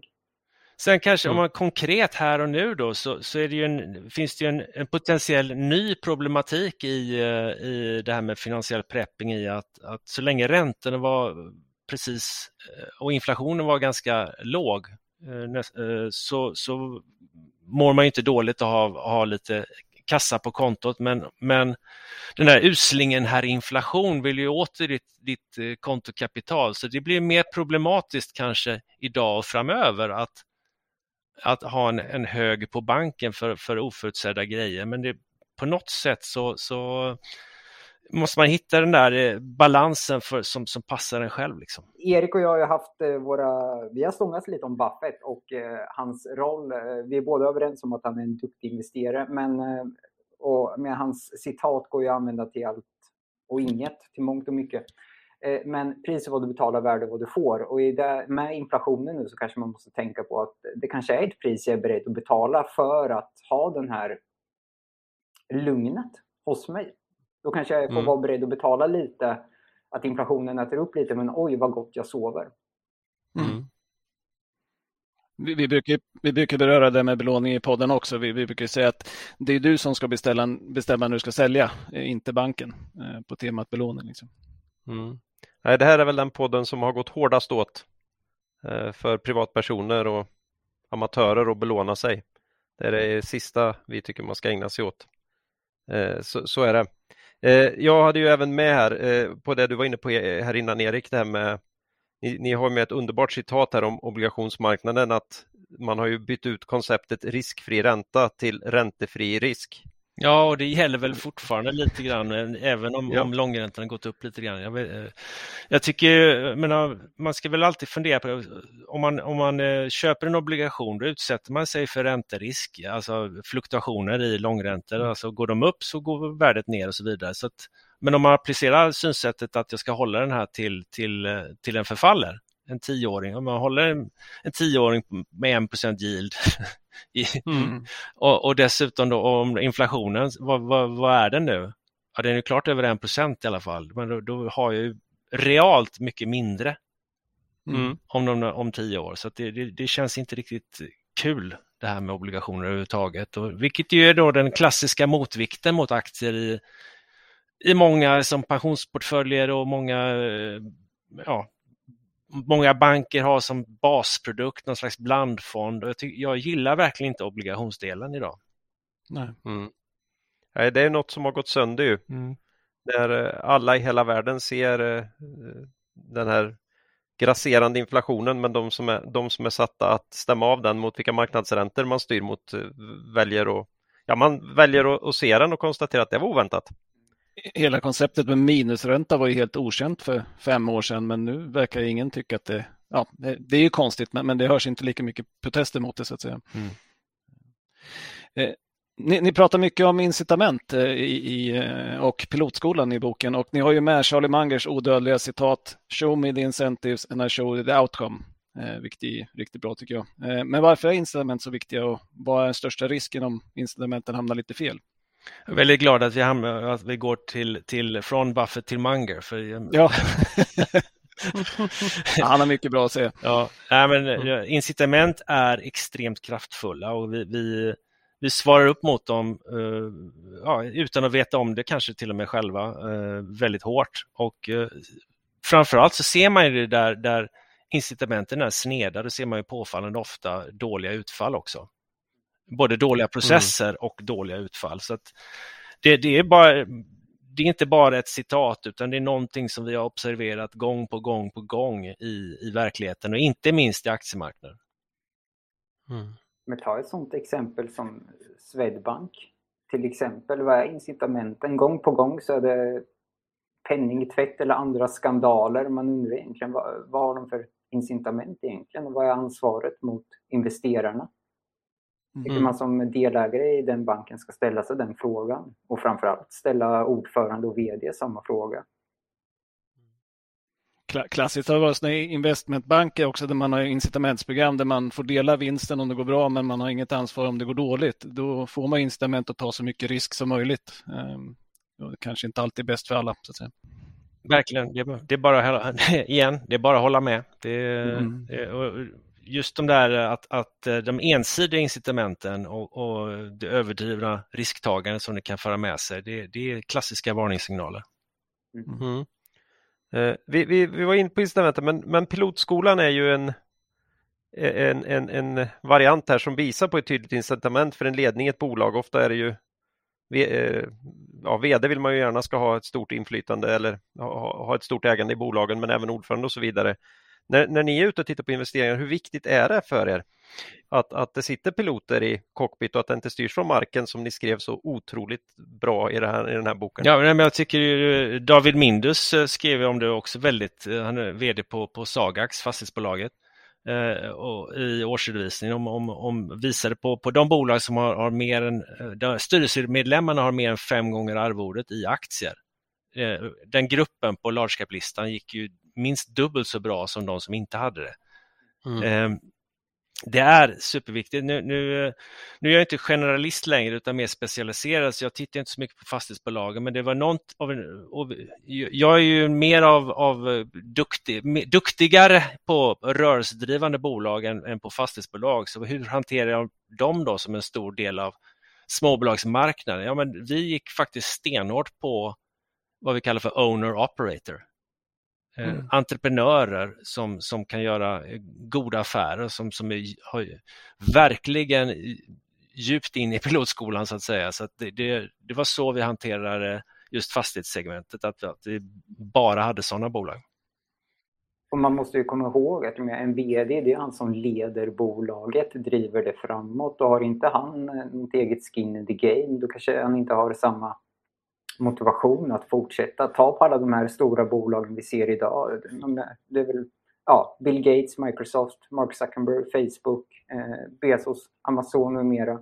Det är ägare som har gett allt för sitt bolag och de har hela tiden varit egentligen all in i sina egna bolag och ofta familjemedlemmarnas pengar också. Eh, det ska mycket till till att de sjukanmäler sig en dag för ett litet skoskav eller en eh, lätt eh, hösnuva. Mm. Och, och tittar man liksom på, på, på aktiemark svenska aktiemarknaden här och nu så tror jag att, att det här med incitament, eh, det, är inte, det är mer än bara aktieägande. Och det, det, vad är, vilka, vilka hoppar du i säng med på ägarsidan?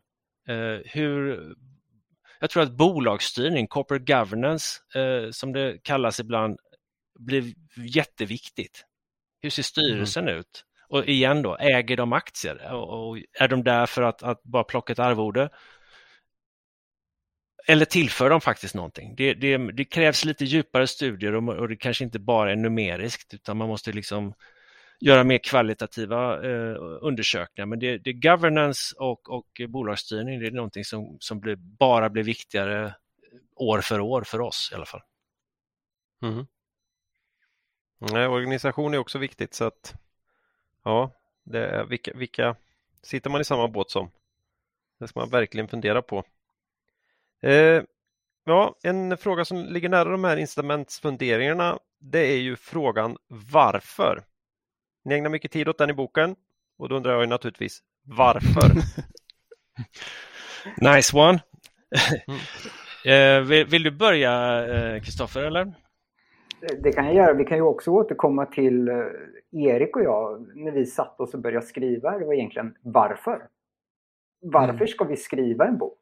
Och varför ska vi beröra de här ämnena? Eh, jag tror att eh, många börjar nog med den här frågan varför, men under resans gång så glömmer man ofta bort just kärnfrågan och även kärnsvaret som man ska sitta på. Det är det här varför som leder oss i rätt riktning. Eh, know your why eh, och du kommer att komma fram till ditt mål. Här finns också, jag måste säga det, en liten varningssignal. Jag hade faktiskt en, en spökläsare som, som, som skrev så här I call bullshit on why med, med fyra utropstecken. och, och det, jag tror att, att eh, det, det, kommer vi tillbaka till Simon Sinek som har eh, föreläsningar och skriver böcker eh, och Know your why och så vidare. Att, att eh, en, en företag gör vad de gör och hur de gör det och varför de gör det. Alltså, varför är liksom den innersta kärnan och har man på riktigt genuint funderat på att, att det finns något större varför, ja men då blir verksamheten mycket bättre. Och hans exempel är Apple versus ett, något annat produktföretag. Eh, mm. Men det finns, det, det, är också ett koncept som, som så att säga länder sig till konsulter som mm. går ut och presenterar, ja, men, känn ditt varför och, och så, utan att ha någon djupare mening. Alltså, jag tror inte det är no någonting som man kan skapa eh, artificiellt efteråt, när vi håller på med den här verksamheten, vi vet vad, vad vi håller på med och vi vet vad vi gör eller hur vi gör det. Och så kommer någon, någon konsult och ska berätta oss om, för oss om, om uh, hitta på ett varför för oss. Det, det måste vara verkligen genuint att komma inifrån någonstans. Och mm. varför är väldigt närbesläktat med QI Bono, alltså vem tjänar på det? Eh, det är någonting vi lyfter fram i boken. Eh, och de frågorna tillsammans skär ju rakt igenom allt fluff runt omkring och vi tar oss direkt till kärnan. Eh, för att återgå till kanske Eriks och min bok, varför ska vi skriva den och vem eller vilka tjänar på den? Och Mm. vi ville ju såklart att Erik och jag kände att vi ville gärna tjäna på den med det att vi utvecklar vår egen kunskap, att vi blir rikare rent kunskapsmässigt. Men förhoppningsvis också att läsaren ska läsa och känna sig, också känna att de har blivit några insikter eller reflektioner rikare. Mm. Och det var någonting vi hela tiden återkom till i boken. Och kan man hitta bolag som drivs av samma kärnfrågor, eh, då tror jag att man eh, kan exponeras mot en relativt härlig framtida avkastning. Och relaterat Mm. till allt det här, alltså det är ju också diskussionen med, man kan gruppera in folk med, med i givare och tagare och att, att på något sätt hitta givare som, som omger en. Det, det, är, det är Adam Grants, eh, organisationspsykologen, som hans koncept och eh, det, det är också en, en, en, ett litet tema i boken som man kan dubbelklicka på. Men allting liksom hänger, alla de här frågorna, alla koncepten, varför, qui bono, incitament och givare och tagare, det hänger ju, det är ju, det är ju grenar på samma träd någonstans. Mm. Ja, jag, jag önskar ju att många, inte många av våra lyssnare, men det finns ju en hel del av våra lyssnare där ute som inte har ställt sig den grundläggande, som investerar och investerat ganska länge och tycker liksom att det är, är kul att investera. Så det är väl kanske ett, ett, ett varför. Men, tar, men är inte alls bekväm med sin egen risknivå, så man mår ju inte bra. Så man riskerar för det är kul, men man tar risker. Så vissa berättar till mig att de, ah, men jag, i perioder har jag svårt att sova. Det har varit skönt nu med, med, med långa upp, uppgångstider på börsen här, för då har man liksom mått bra. Men då börjar kapitalet bli så stort så då mår man dåligt igen. Då önskar man, man fundera lite grann på, men varför?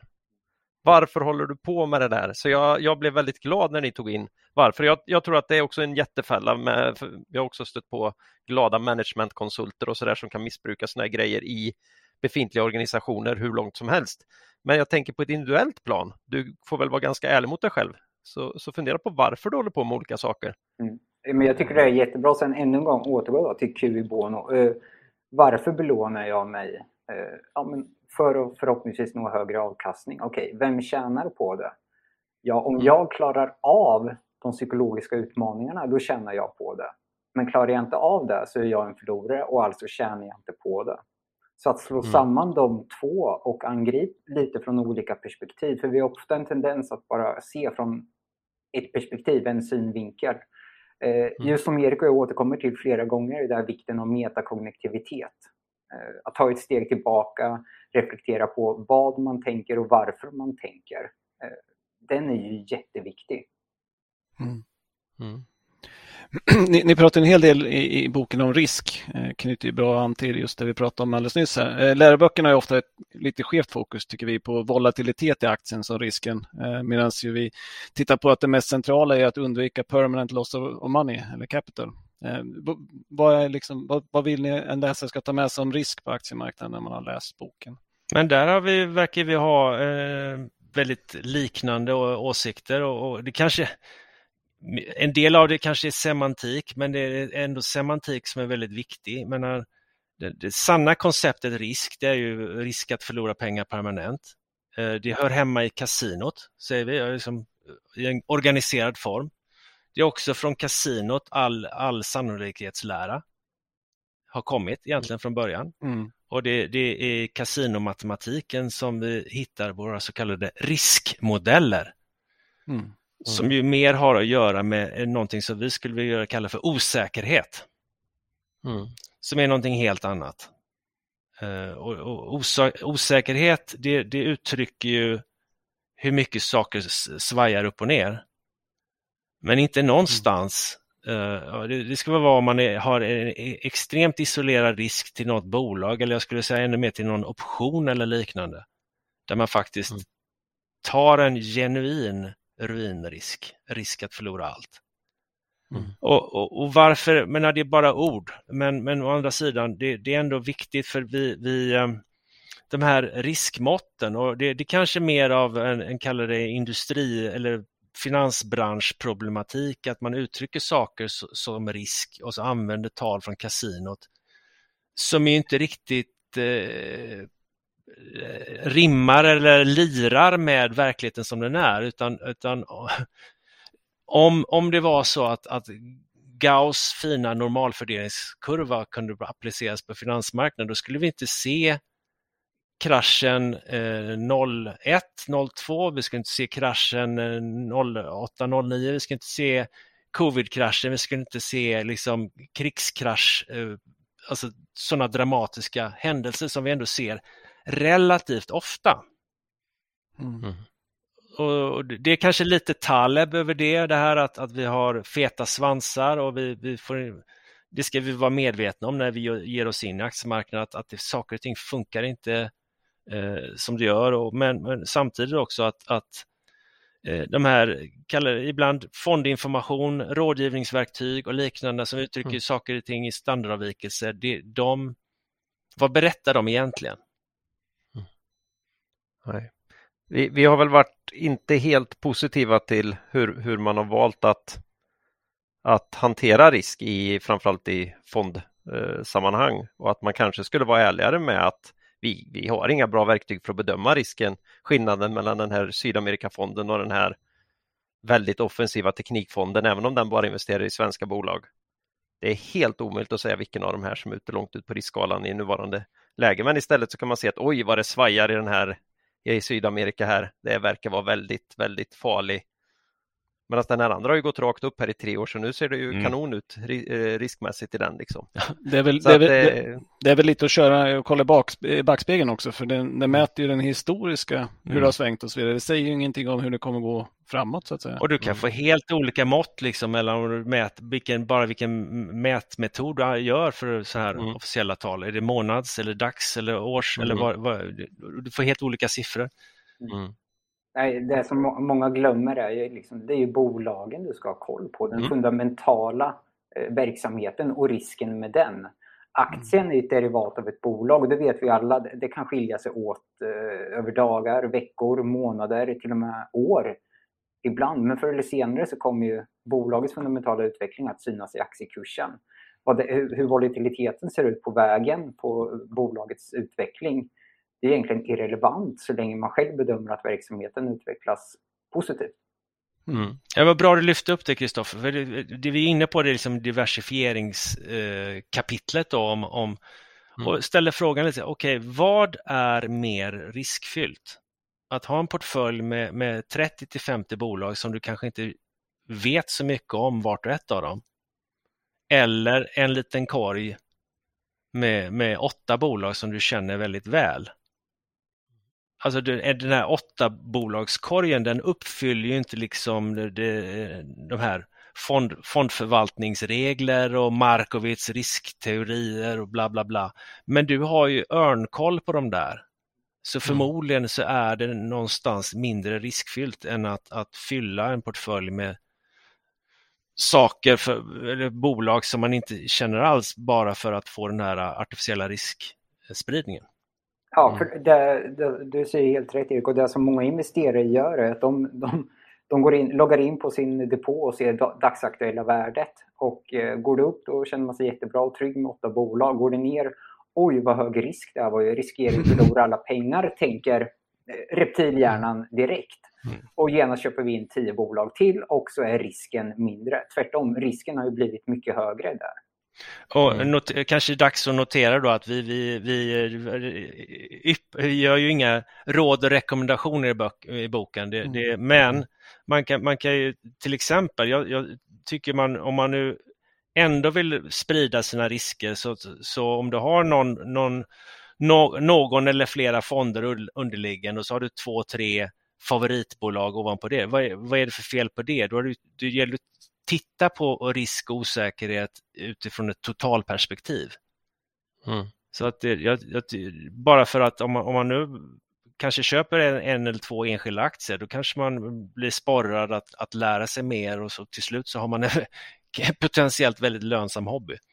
Mm. Mm. Så att man kan, om vi ska sammanfatta, det finns ju två sorters, eh, två, risk, två sorters risk. Den ena är bolagsrisken och den andra är risken eh, som går upp på din kunskap. Har du mm. tillräckligt med kunskap? Den, där mm. kommer du faktiskt aldrig kunna svara på för det finns alltid Eh, det finns alltid en sten under sten och ofta brukar det vara det där Hydra-syndromet att hugger du av ett huvud så växer det ut två nya och så måste man hugga av dem och så har vi fyra nya. Men någonstans måste man också komma till sans med att jag upplever mig själv tillräckligt säker på det här bolaget och upplever mig själv kunna så mycket att jag är beredd att investera i det. Mm.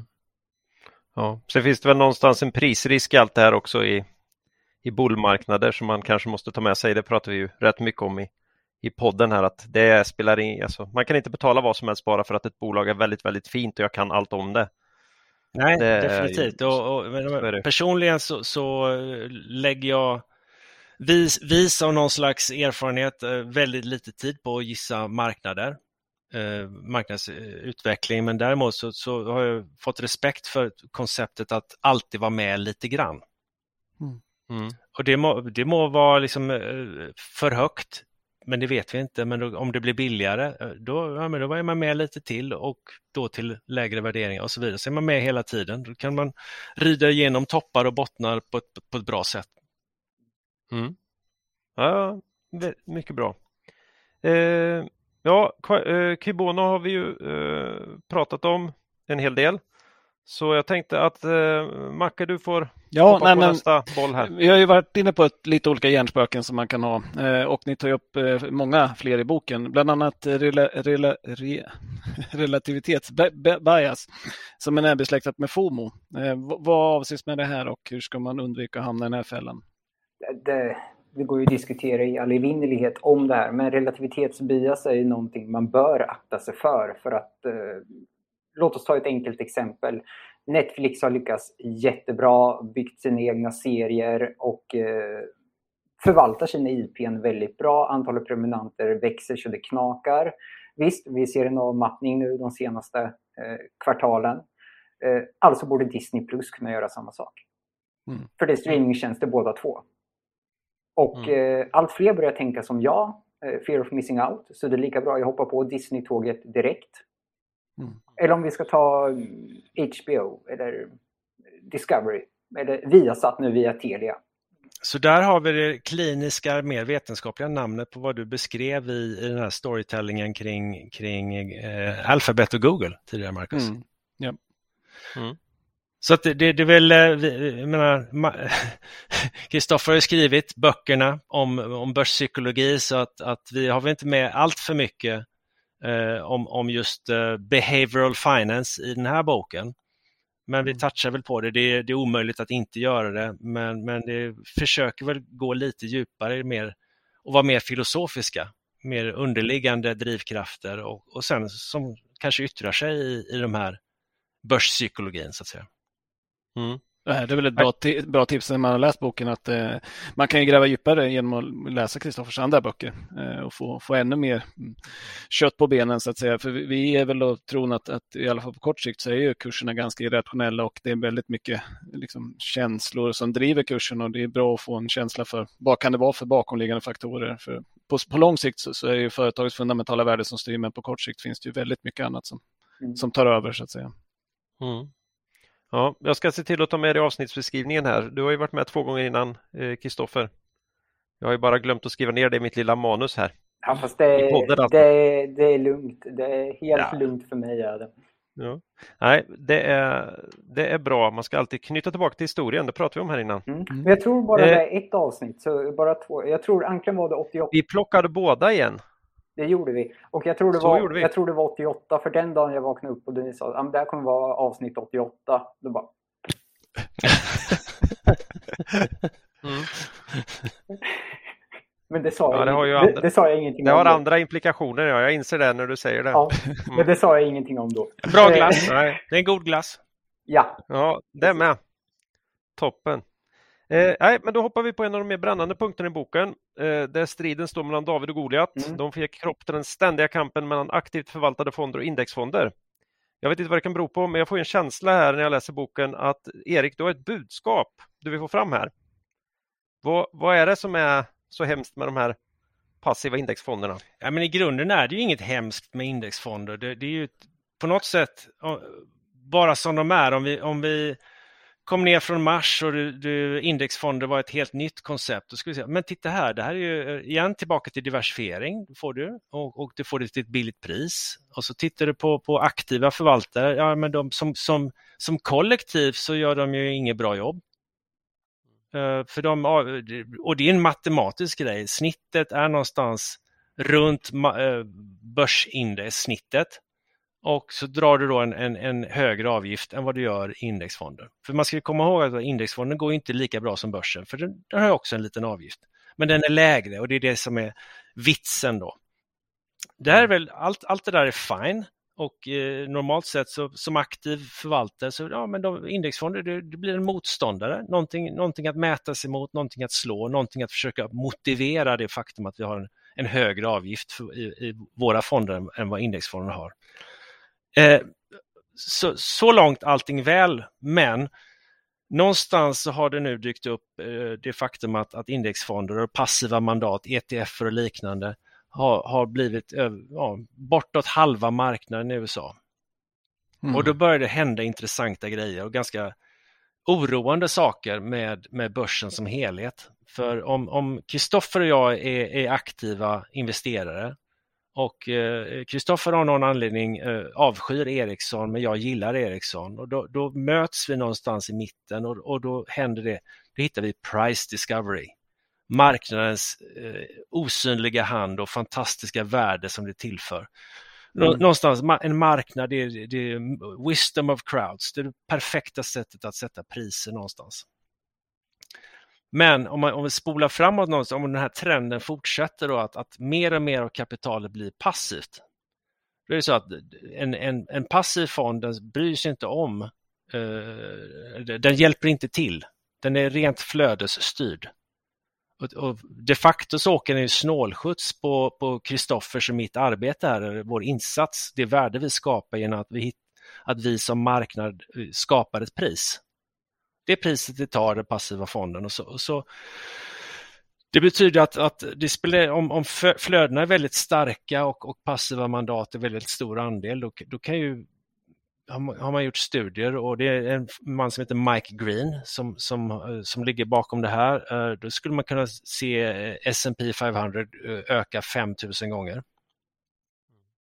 På samma sätt om, om demografi eller någonting annat gör att, att flödena vänder till, till utflöden strukturellt och om då passiva mandat är nästan hela marknaden, då kan ju marknaden gå till noll.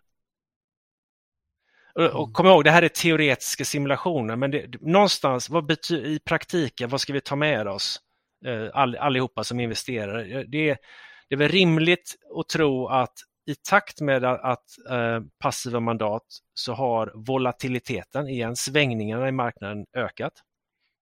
Det tror jag vi får vänja oss vid. Eh, om vi hade en, ett, ett, ett börssnitt på 10% över lång tid förut så variansen runt de där 10 eh, strecket eller kurvan, eh, den kommer bli större framöver. Mm. Det betyder inte att, att vi kan, behöver förvänta oss lägre avkastning i marknaden eh, än snittet. Det, det, det, vet jag ingenting om. Men vi vet ju att, att företagande är lönsamt och på börsen hamnar de allra bästa företagen. Så det, det, är därför det är nästan en naturlag att börsen genererar värde och går upp över tid. Mm. Mm. Så det är därför, det, är därför det, det här är extremt en, en, en trevlig lekplats så att säga. Mm. Uh, vi, ja, förlåt.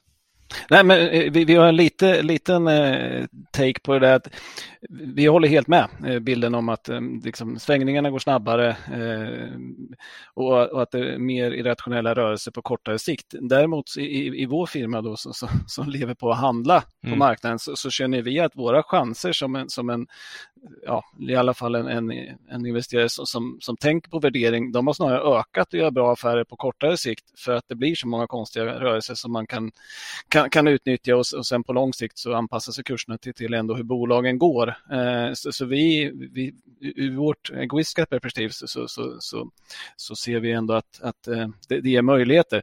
Men, men ni lyfter en annan sak i boken som, som, som är problematisk och det är den här med, med styrningen av bolagen eh, med, med indexfonder som ju köper köper på grund av en viktig index och inte alls gjort någon analys av hur bolaget ska klara sig i framtiden kontra investerare som faktiskt investerar i ett bolag som de gillar, som de tror ska gå bra och som de har idéer om hur de kanske ska utvecklas framåt.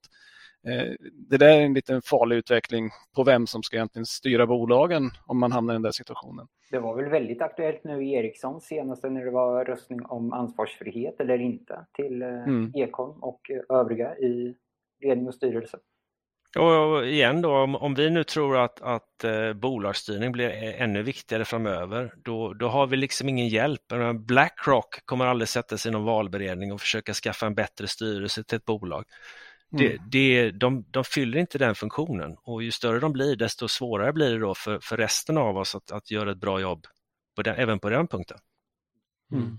Och jag har förstått att de här eh, ofta röstar lite dolt eller inte kanske beskriver varför de röstar på olika sätt och att det är ganska svårt att ja, förstå hur, hur de röstar på stämmor och så vidare. Ja, så ska vi komma ihåg också att de flesta passiva eh, firmor är ju amerikanska och då är det amerikansk bolagsstyrning som styr hur de röstar och deras modeller. Det, det, det är den amerikanska kakformen som, som trycks ner över den svenska eh, aktiemarknaden och, bo, och bolagen som, som finns på den. Mm. Mm. Ja, ni tar upp något exempel på det också i, i boken så att ja, det, här är, det här är verkligen tänkvärt. Det här har lett till mycket diskussioner hos oss i, i vårat på våran firma, i vårt lilla gäng här så att eh, ja, ni sätter, i, sätter igång tankar med boken och det var ju det ni ville så det var ju, det var ju rätt då. Det är på kaninhål.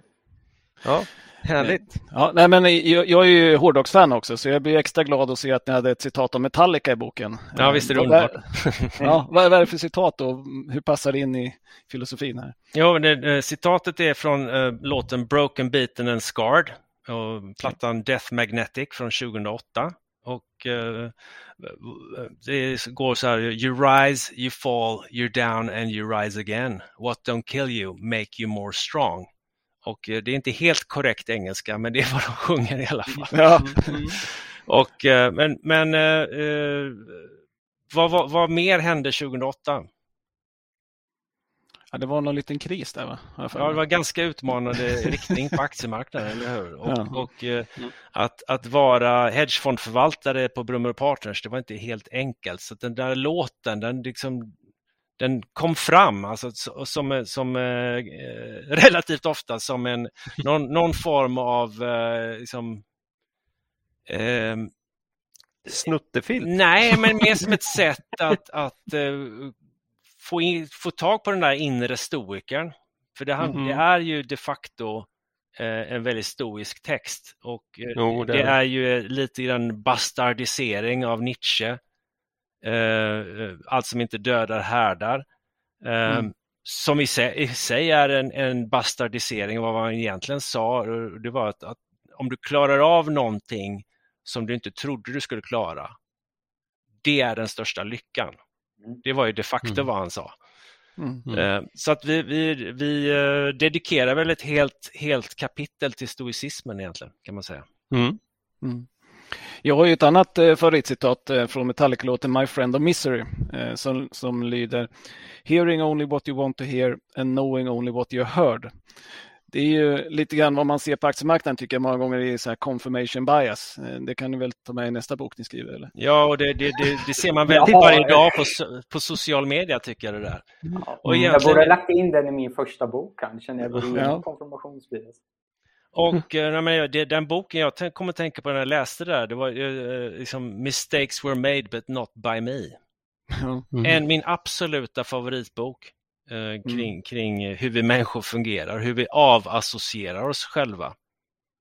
Eh, mm. Och menar, två individer som kan ha väldigt lika åsikter kan stå på toppen av en, en uh, the pyramid of choice, eller decision pyramid. Och om man bara halkar ner lite grann åt ena hållet så halkar man ofta ner i diametralt helt olika åsikter och där, där har vi polariseringen och, och eh, social media kan man kalla då någon slags nästan eh, såpa på den där triangeln. Mm. Mm. Ja. ja. nu börjar vi närma oss lite slutet på samtalet här. Ändå har vi bara skrapat på ytan i den här mastiga boken. Eh, något särskilt ni vill lyfta fram innan vi stänger igen det här? Jag ska säga, Kristoffer var inne från, börj från början, men ett kärncitat är väl spara som en pessimist och investera som en, en optimist. Mm. Det är ändå, det är ändå en, en, en, ett kärnbudskap. Men du, du har säkert något mer, Kristoffer? Nej, men får jag gå vidare på det du sa, Erik? Eh, det är ju också att du ska inte vara naiv optimist. Eh, vi har ju en härlig fight i ett åra kapitel när eh, allas vår Candid möter Kafka, den eviga mm. pessimisten. Mm. Och vi lyfter ju, ska inte avslöja vem som vinner fighten. det får man läsa om. Men du får inte vara en naiv optimist utan du måste inta ett realistiskt perspektiv. Just det är väldigt viktigt att ta med sig. Så mm. jag, Erik och jag, vi har ju skrivit boken tillsammans så att eh, i mångt och mycket så tycker, eller mångt och mycket, vi tycker verkligen samma här. Men spara som en pessimist och eh, investera som en realistisk optimist. Mm. Mm. Ja, nej, vi pratar ju många, vi har ju många, ja, småsparare är ju ett eh, populärt ord. Vi har många investerare som kanske inte har så där vansinnigt mycket och man investerar delar av sin lön och så här och då trycker vi mycket på det att fördela ut det här över tid ligg inte och spara på er och sen tryck in allting i det här, den fantastiska möjligheten när någon i, på fikarummet säger att Egypten, det kommer nu, liksom. nu, nu händer det, utan nej, investera kontinuerligt och då, då får du vara med över tid. En del kommer att investera i lite gladare börsklimat och en del lite deppigare börsklimat och över tid, så länge du hittar intressanta bolag eller intressanta fonder och så, så kommer det bli riktigt, riktigt bra. Så, och det är väl att vara och tillbaka till liksom, på engelska, det går inte riktigt att översätta bra, men, men uh, timing the market är omöjligt, men time in the market är alldeles centralt. Liksom. Mm. Mm. det är exakt det. Så det, ja, härligt. Men eh, då vill vi tacka för att ni ville komma hit och prata om er fina bok, Livet, börsen och allting. Och den finns ju att köpa där böcker finns. Stämmer bra det. Tack så mycket. Det var jättekul att vara med. Ja, ja. Tack mm. så jättemycket. Tack, tackar. Tack så mycket. Vi närmar oss ju slutet här. Vi har ju precis lyssnat på en fantastisk intervju. Ja. Mm, med Kristoffer och Erik. Så är det. Hoppas alla tyckte det var intressant. Mm, mm. Det hoppas vi verkligen. Eh, nästa avsnitt, nummer 116, kommer ut den 28 april. Och eh, ja, då kan det eventuellt bli ett rapportavsnitt om vi orkar. Jo, det blir det nog ja. Ja, ni tror det va? Ja. det är ganska du fattar, folk hade, blivit, folk hade blivit lite, nej, nej, vi vägrar. Vi har aldrig gjort. Det kommer bli rapporter. Jag har slutat med rapporter. Ja. Mm. Eh, man kan mejla oss på kontaktet kvalitetsaktiepodden.se. Man kan kommentera på Twitter. Det har varit många roliga kommentarer på senaste. Ja. ja. Eh, så det är skoj och många nya följare. Och eh, även titta till vår hemsida kvalitetsaktiepodden.se. Och då är vi ju där igen. Då har vi någon riktig makro eller TA som är värt att ta upp idag. Nej. Har du något Ola? Nej, nej. Nej, men jag har ju en grej idag. Oj! Va? Ja, ja men det är inte TA, det är inte makro, men det är krypto. Krypto? Dags för krypto i kap, säger jag. Okay. Alltså, eh, har, har, har, är det någon demokrati? Kan vi inte rösta om det här eller någonting? Alltså? Det, vi får se om du klipper bort det här. Det, det här är lite som ja, nu, hon... Nu det börjar det hon, lukta klippning här. Som hon uh, ryska uh, nyhetsankaret som... Ja, klev in med en jädra protestskylt. Ja, ja. Det, det, var vågat gjort av henne. Det var vågat. Ja, men... Och det är samma här. Mm, samma shoot, shoot, ja. shoot. Nej, men det är lite speciellt krypto där. Eh, mm. För jag såg nämligen i veckan en dokumentär på Netflix som ja. heter Trust No One, jakten på kryptokungen. Mm. Ganska... Det här låter ju lovande. Ja. Det här låter ju spännande. Det var en väldigt intressant berättelse om Quadriga CX som var Kanadas största kryptobörs 2017. Eh, men börs är ju inte rätt egentligen namn på det för att en börs är ju reglerad och står under tillsyn. Och det gjorde inte Quadriga. Så att kryptohandelsplattform, är kanske bättre ord. Mm. Eh, och den här gick jättebra i håsen för bitcoin 2017 då, för det gick ju rakt upp i taket. Eh, men när det föll sen 2018 så blev det lite problem för att folk ville ju få ut sina pengar då eh, och fick inga pengar. Och fråga och fråga och fråga och de sa det kommer, det kommer, det kommer, men det blev aldrig några pengar. I början av 2019 då så skickade man ut ett PM från bolaget om att bolagets VD Gerald Cotton hade dött i Indien under lite mystiska omständigheter i Crohns sjukdom. Jobbigt som jag förstår det är inte vanligtvis den sjukdomen som som är så farlig så att säga. Och han sades vara den enda som hade lösenordet till de digitala plånböckerna där kundernas krypto förvarades. Hatar ju Det här det låter som en. Hollywood. Det här skulle man kunna göra riktig Hollywood. Så är det ju alla med sådana bedragare. De är ju fantastiska. Mm. Så då skulle de då inte kunna få tillbaka några pengar eftersom han hade dött och tagit ja, hemligheterna med sig i graven så att säga. Eh, Och jag tänker inte spoila slutet för jag tycker det är en väldigt intressant film som, som är värd för alla att se. Särskilt för den som går i tankar om att spekulera i krypto. Fantastiskt. Så jag lämnar det med en cliffhanger Ja, där. den är bra Marcus. Men det här var en, det här var en dokumentär. Ja, Ja, just det. Netflix Netflix. och den heter Jakten på kryptokungen. Jakten på kryptokungen. Oj. Ja, Det får bli eh, någon gång på, på påsklovet här. Ska jag kolla på jakten på kryptokungen. Jag skulle vilja se den som Hollywoodfilm med någon sån här... eh, Jag vet inte vem som skulle vara i huvudrollen vem där. som skulle vara krypto nej, nej. Jack Black. Ja, ja det är, Ja, det är Jim bra. eh, Carrey. Va? Va? Va? Okej. Ja. ja, nej, men det var spännande. Okej. Så att, eh, Ja. Det kommer nog komma tror jag. Ja, det, det är lite för bra historia för att, för att släppa en sån va? De gör väl serie nu av hon eh, tjejen som skulle göra de här blodtesterna och revolutionera medicinen. just det, Thanos eller vad Ja, det var jättespännande. Okej.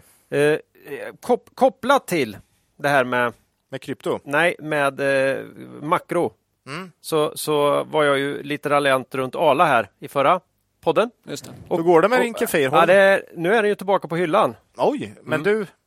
Du, sma, du, Fantastiskt. du, I, i, någon, I någon ny, du har börjat med A-fil istället. ja, i ren, i ren, i ren protest. Du bytte Ja. till Valio, eller vad? Nej, det är en ny diskret förpackning. Ja, okej. Mm, så jag, jag får väl återvända till min kära Arla. Skönt. Inga, Kefir. inga lökkupoler på, Nej, på så den långt, nya kefiren. nej, så långt ögat Vad var det på den då? Det var någon slags naturmotiv. Okej. Något litet blad eller något. Neutralt så att det inte Ja. blir liksom samma problem igen. Så. Vet ni att jag har jobbat ett år som mejerist faktiskt Mm. på Arla? Det vet jag faktiskt. Ja. Det vet jag Ola. Min farmor var oerhört stolt att jag äntligen hade fått ett, ett riktigt yrke så att säga. Mm. Det, Jag har ja. hört en del historier därifrån som vi nog inte får dra här. Nej, jag tror sådana där grejer aldrig blir preskriberat. Nej, Ja, nej, vi kan väl säga så här att livsme- det var väl inte livsmedelskvaliteten som var, nej, nej. Jag gjorde eh, som var riskerad här utan det var väl arbetsetik och moralen här. som- Arbetsmiljön det var kanske någon som mer. var- Jag, arbetsmiljön som jag, var jag körde ju crème fraîche-linan då egentligen. Mm. Ja, ja, Vi, vi släpper det. vi jag. släpper den ja. Jag tycker vi släpper det. ja. Eh, eget ägande. Ja, jag hade ju H&M då privat i någon pensionsspar här. Ja, jag och Clean Air också. Men sen eh, hade vi lite nyhetsgrejer. Ja, vi nämnde Rake Tech i något halvt andetag där. Ja, Det- en, det- en nia. Nia, ja. Ehm, Och eh, även... eh, Jag har faktiskt lite Kindred i, i, en, eh, i pensionen. Mm. Ja. Lite Kabe också. Ja, det, det har kan man vi, ha. det har vi inte analyserat dem. Men, men, ja, Det kan man är ha. det. Det Ja, det man är ha. fina bolag, så det tycker jag man kan ha. Det finns ju någon på Twitter som heter Snålänningen va? Mm. Han måste ju ha kabel, mycket Det kabel. ha. Ja. Ja, det, allt annat vore ju en chock. Mm. Jaha. Nej, men eh, innan vi skiljs åt nu här då så vill vi ju påminna er om den fina möjligheten att månadsspara i Cavaliers fonder. Och det kan man ju enkelt göra, bland annat via Nordnet och Avanza. Eh, Saver också finns det ju på. Eh, men i pensionssparet tror jag nog det är Nordnet och Avanza fortfarande om man vill hålla på med sånt. Eh, man ska komma ihåg att historisk avkastning i fonder inte behöver vara en indikator på framtida avkastning och att man kan förlora delar av sitt satsade kapital då fonder kan både gå upp och ner i värde. Nya lyssnare, jag tror vi har sådana ibland. Mm. De kan med fördel gå tillbaka till avsnitt 108. Vad gör vi där? Vi berättar om filosofi va? Mm. Och eh, lite hur vi ser på investeringar. Mm. Och inte så lite heller. Nej. Ett helt avsnitt. Ja, Mm. den, den är ju väldigt bra att börja med, den, den, den podden. Och på den tiden hade vi också bra ljud i podden, Ola. Så Ja. det var, det var tider där. Ja, jag tror ju på det här avsnittet. Du tror på det? Jag Ja. med. Mm. Det måste man. Hoppet är det sista som över människan. Mm. Eh, Men med det sagt så vill vi ju önska alla, och vi också önskar alla lyssnare, en riktigt glad påsk. Och ber dem här att mellan de här olika äggmålningsaktiviteterna tänka på att Det är först när tidvattnet drar sig tillbaka som man får se vem som badar naken. Lose money for the firm and I will be understanding. Lose a shred of reputation for the firm and I will be ruthless. I welcome your questions.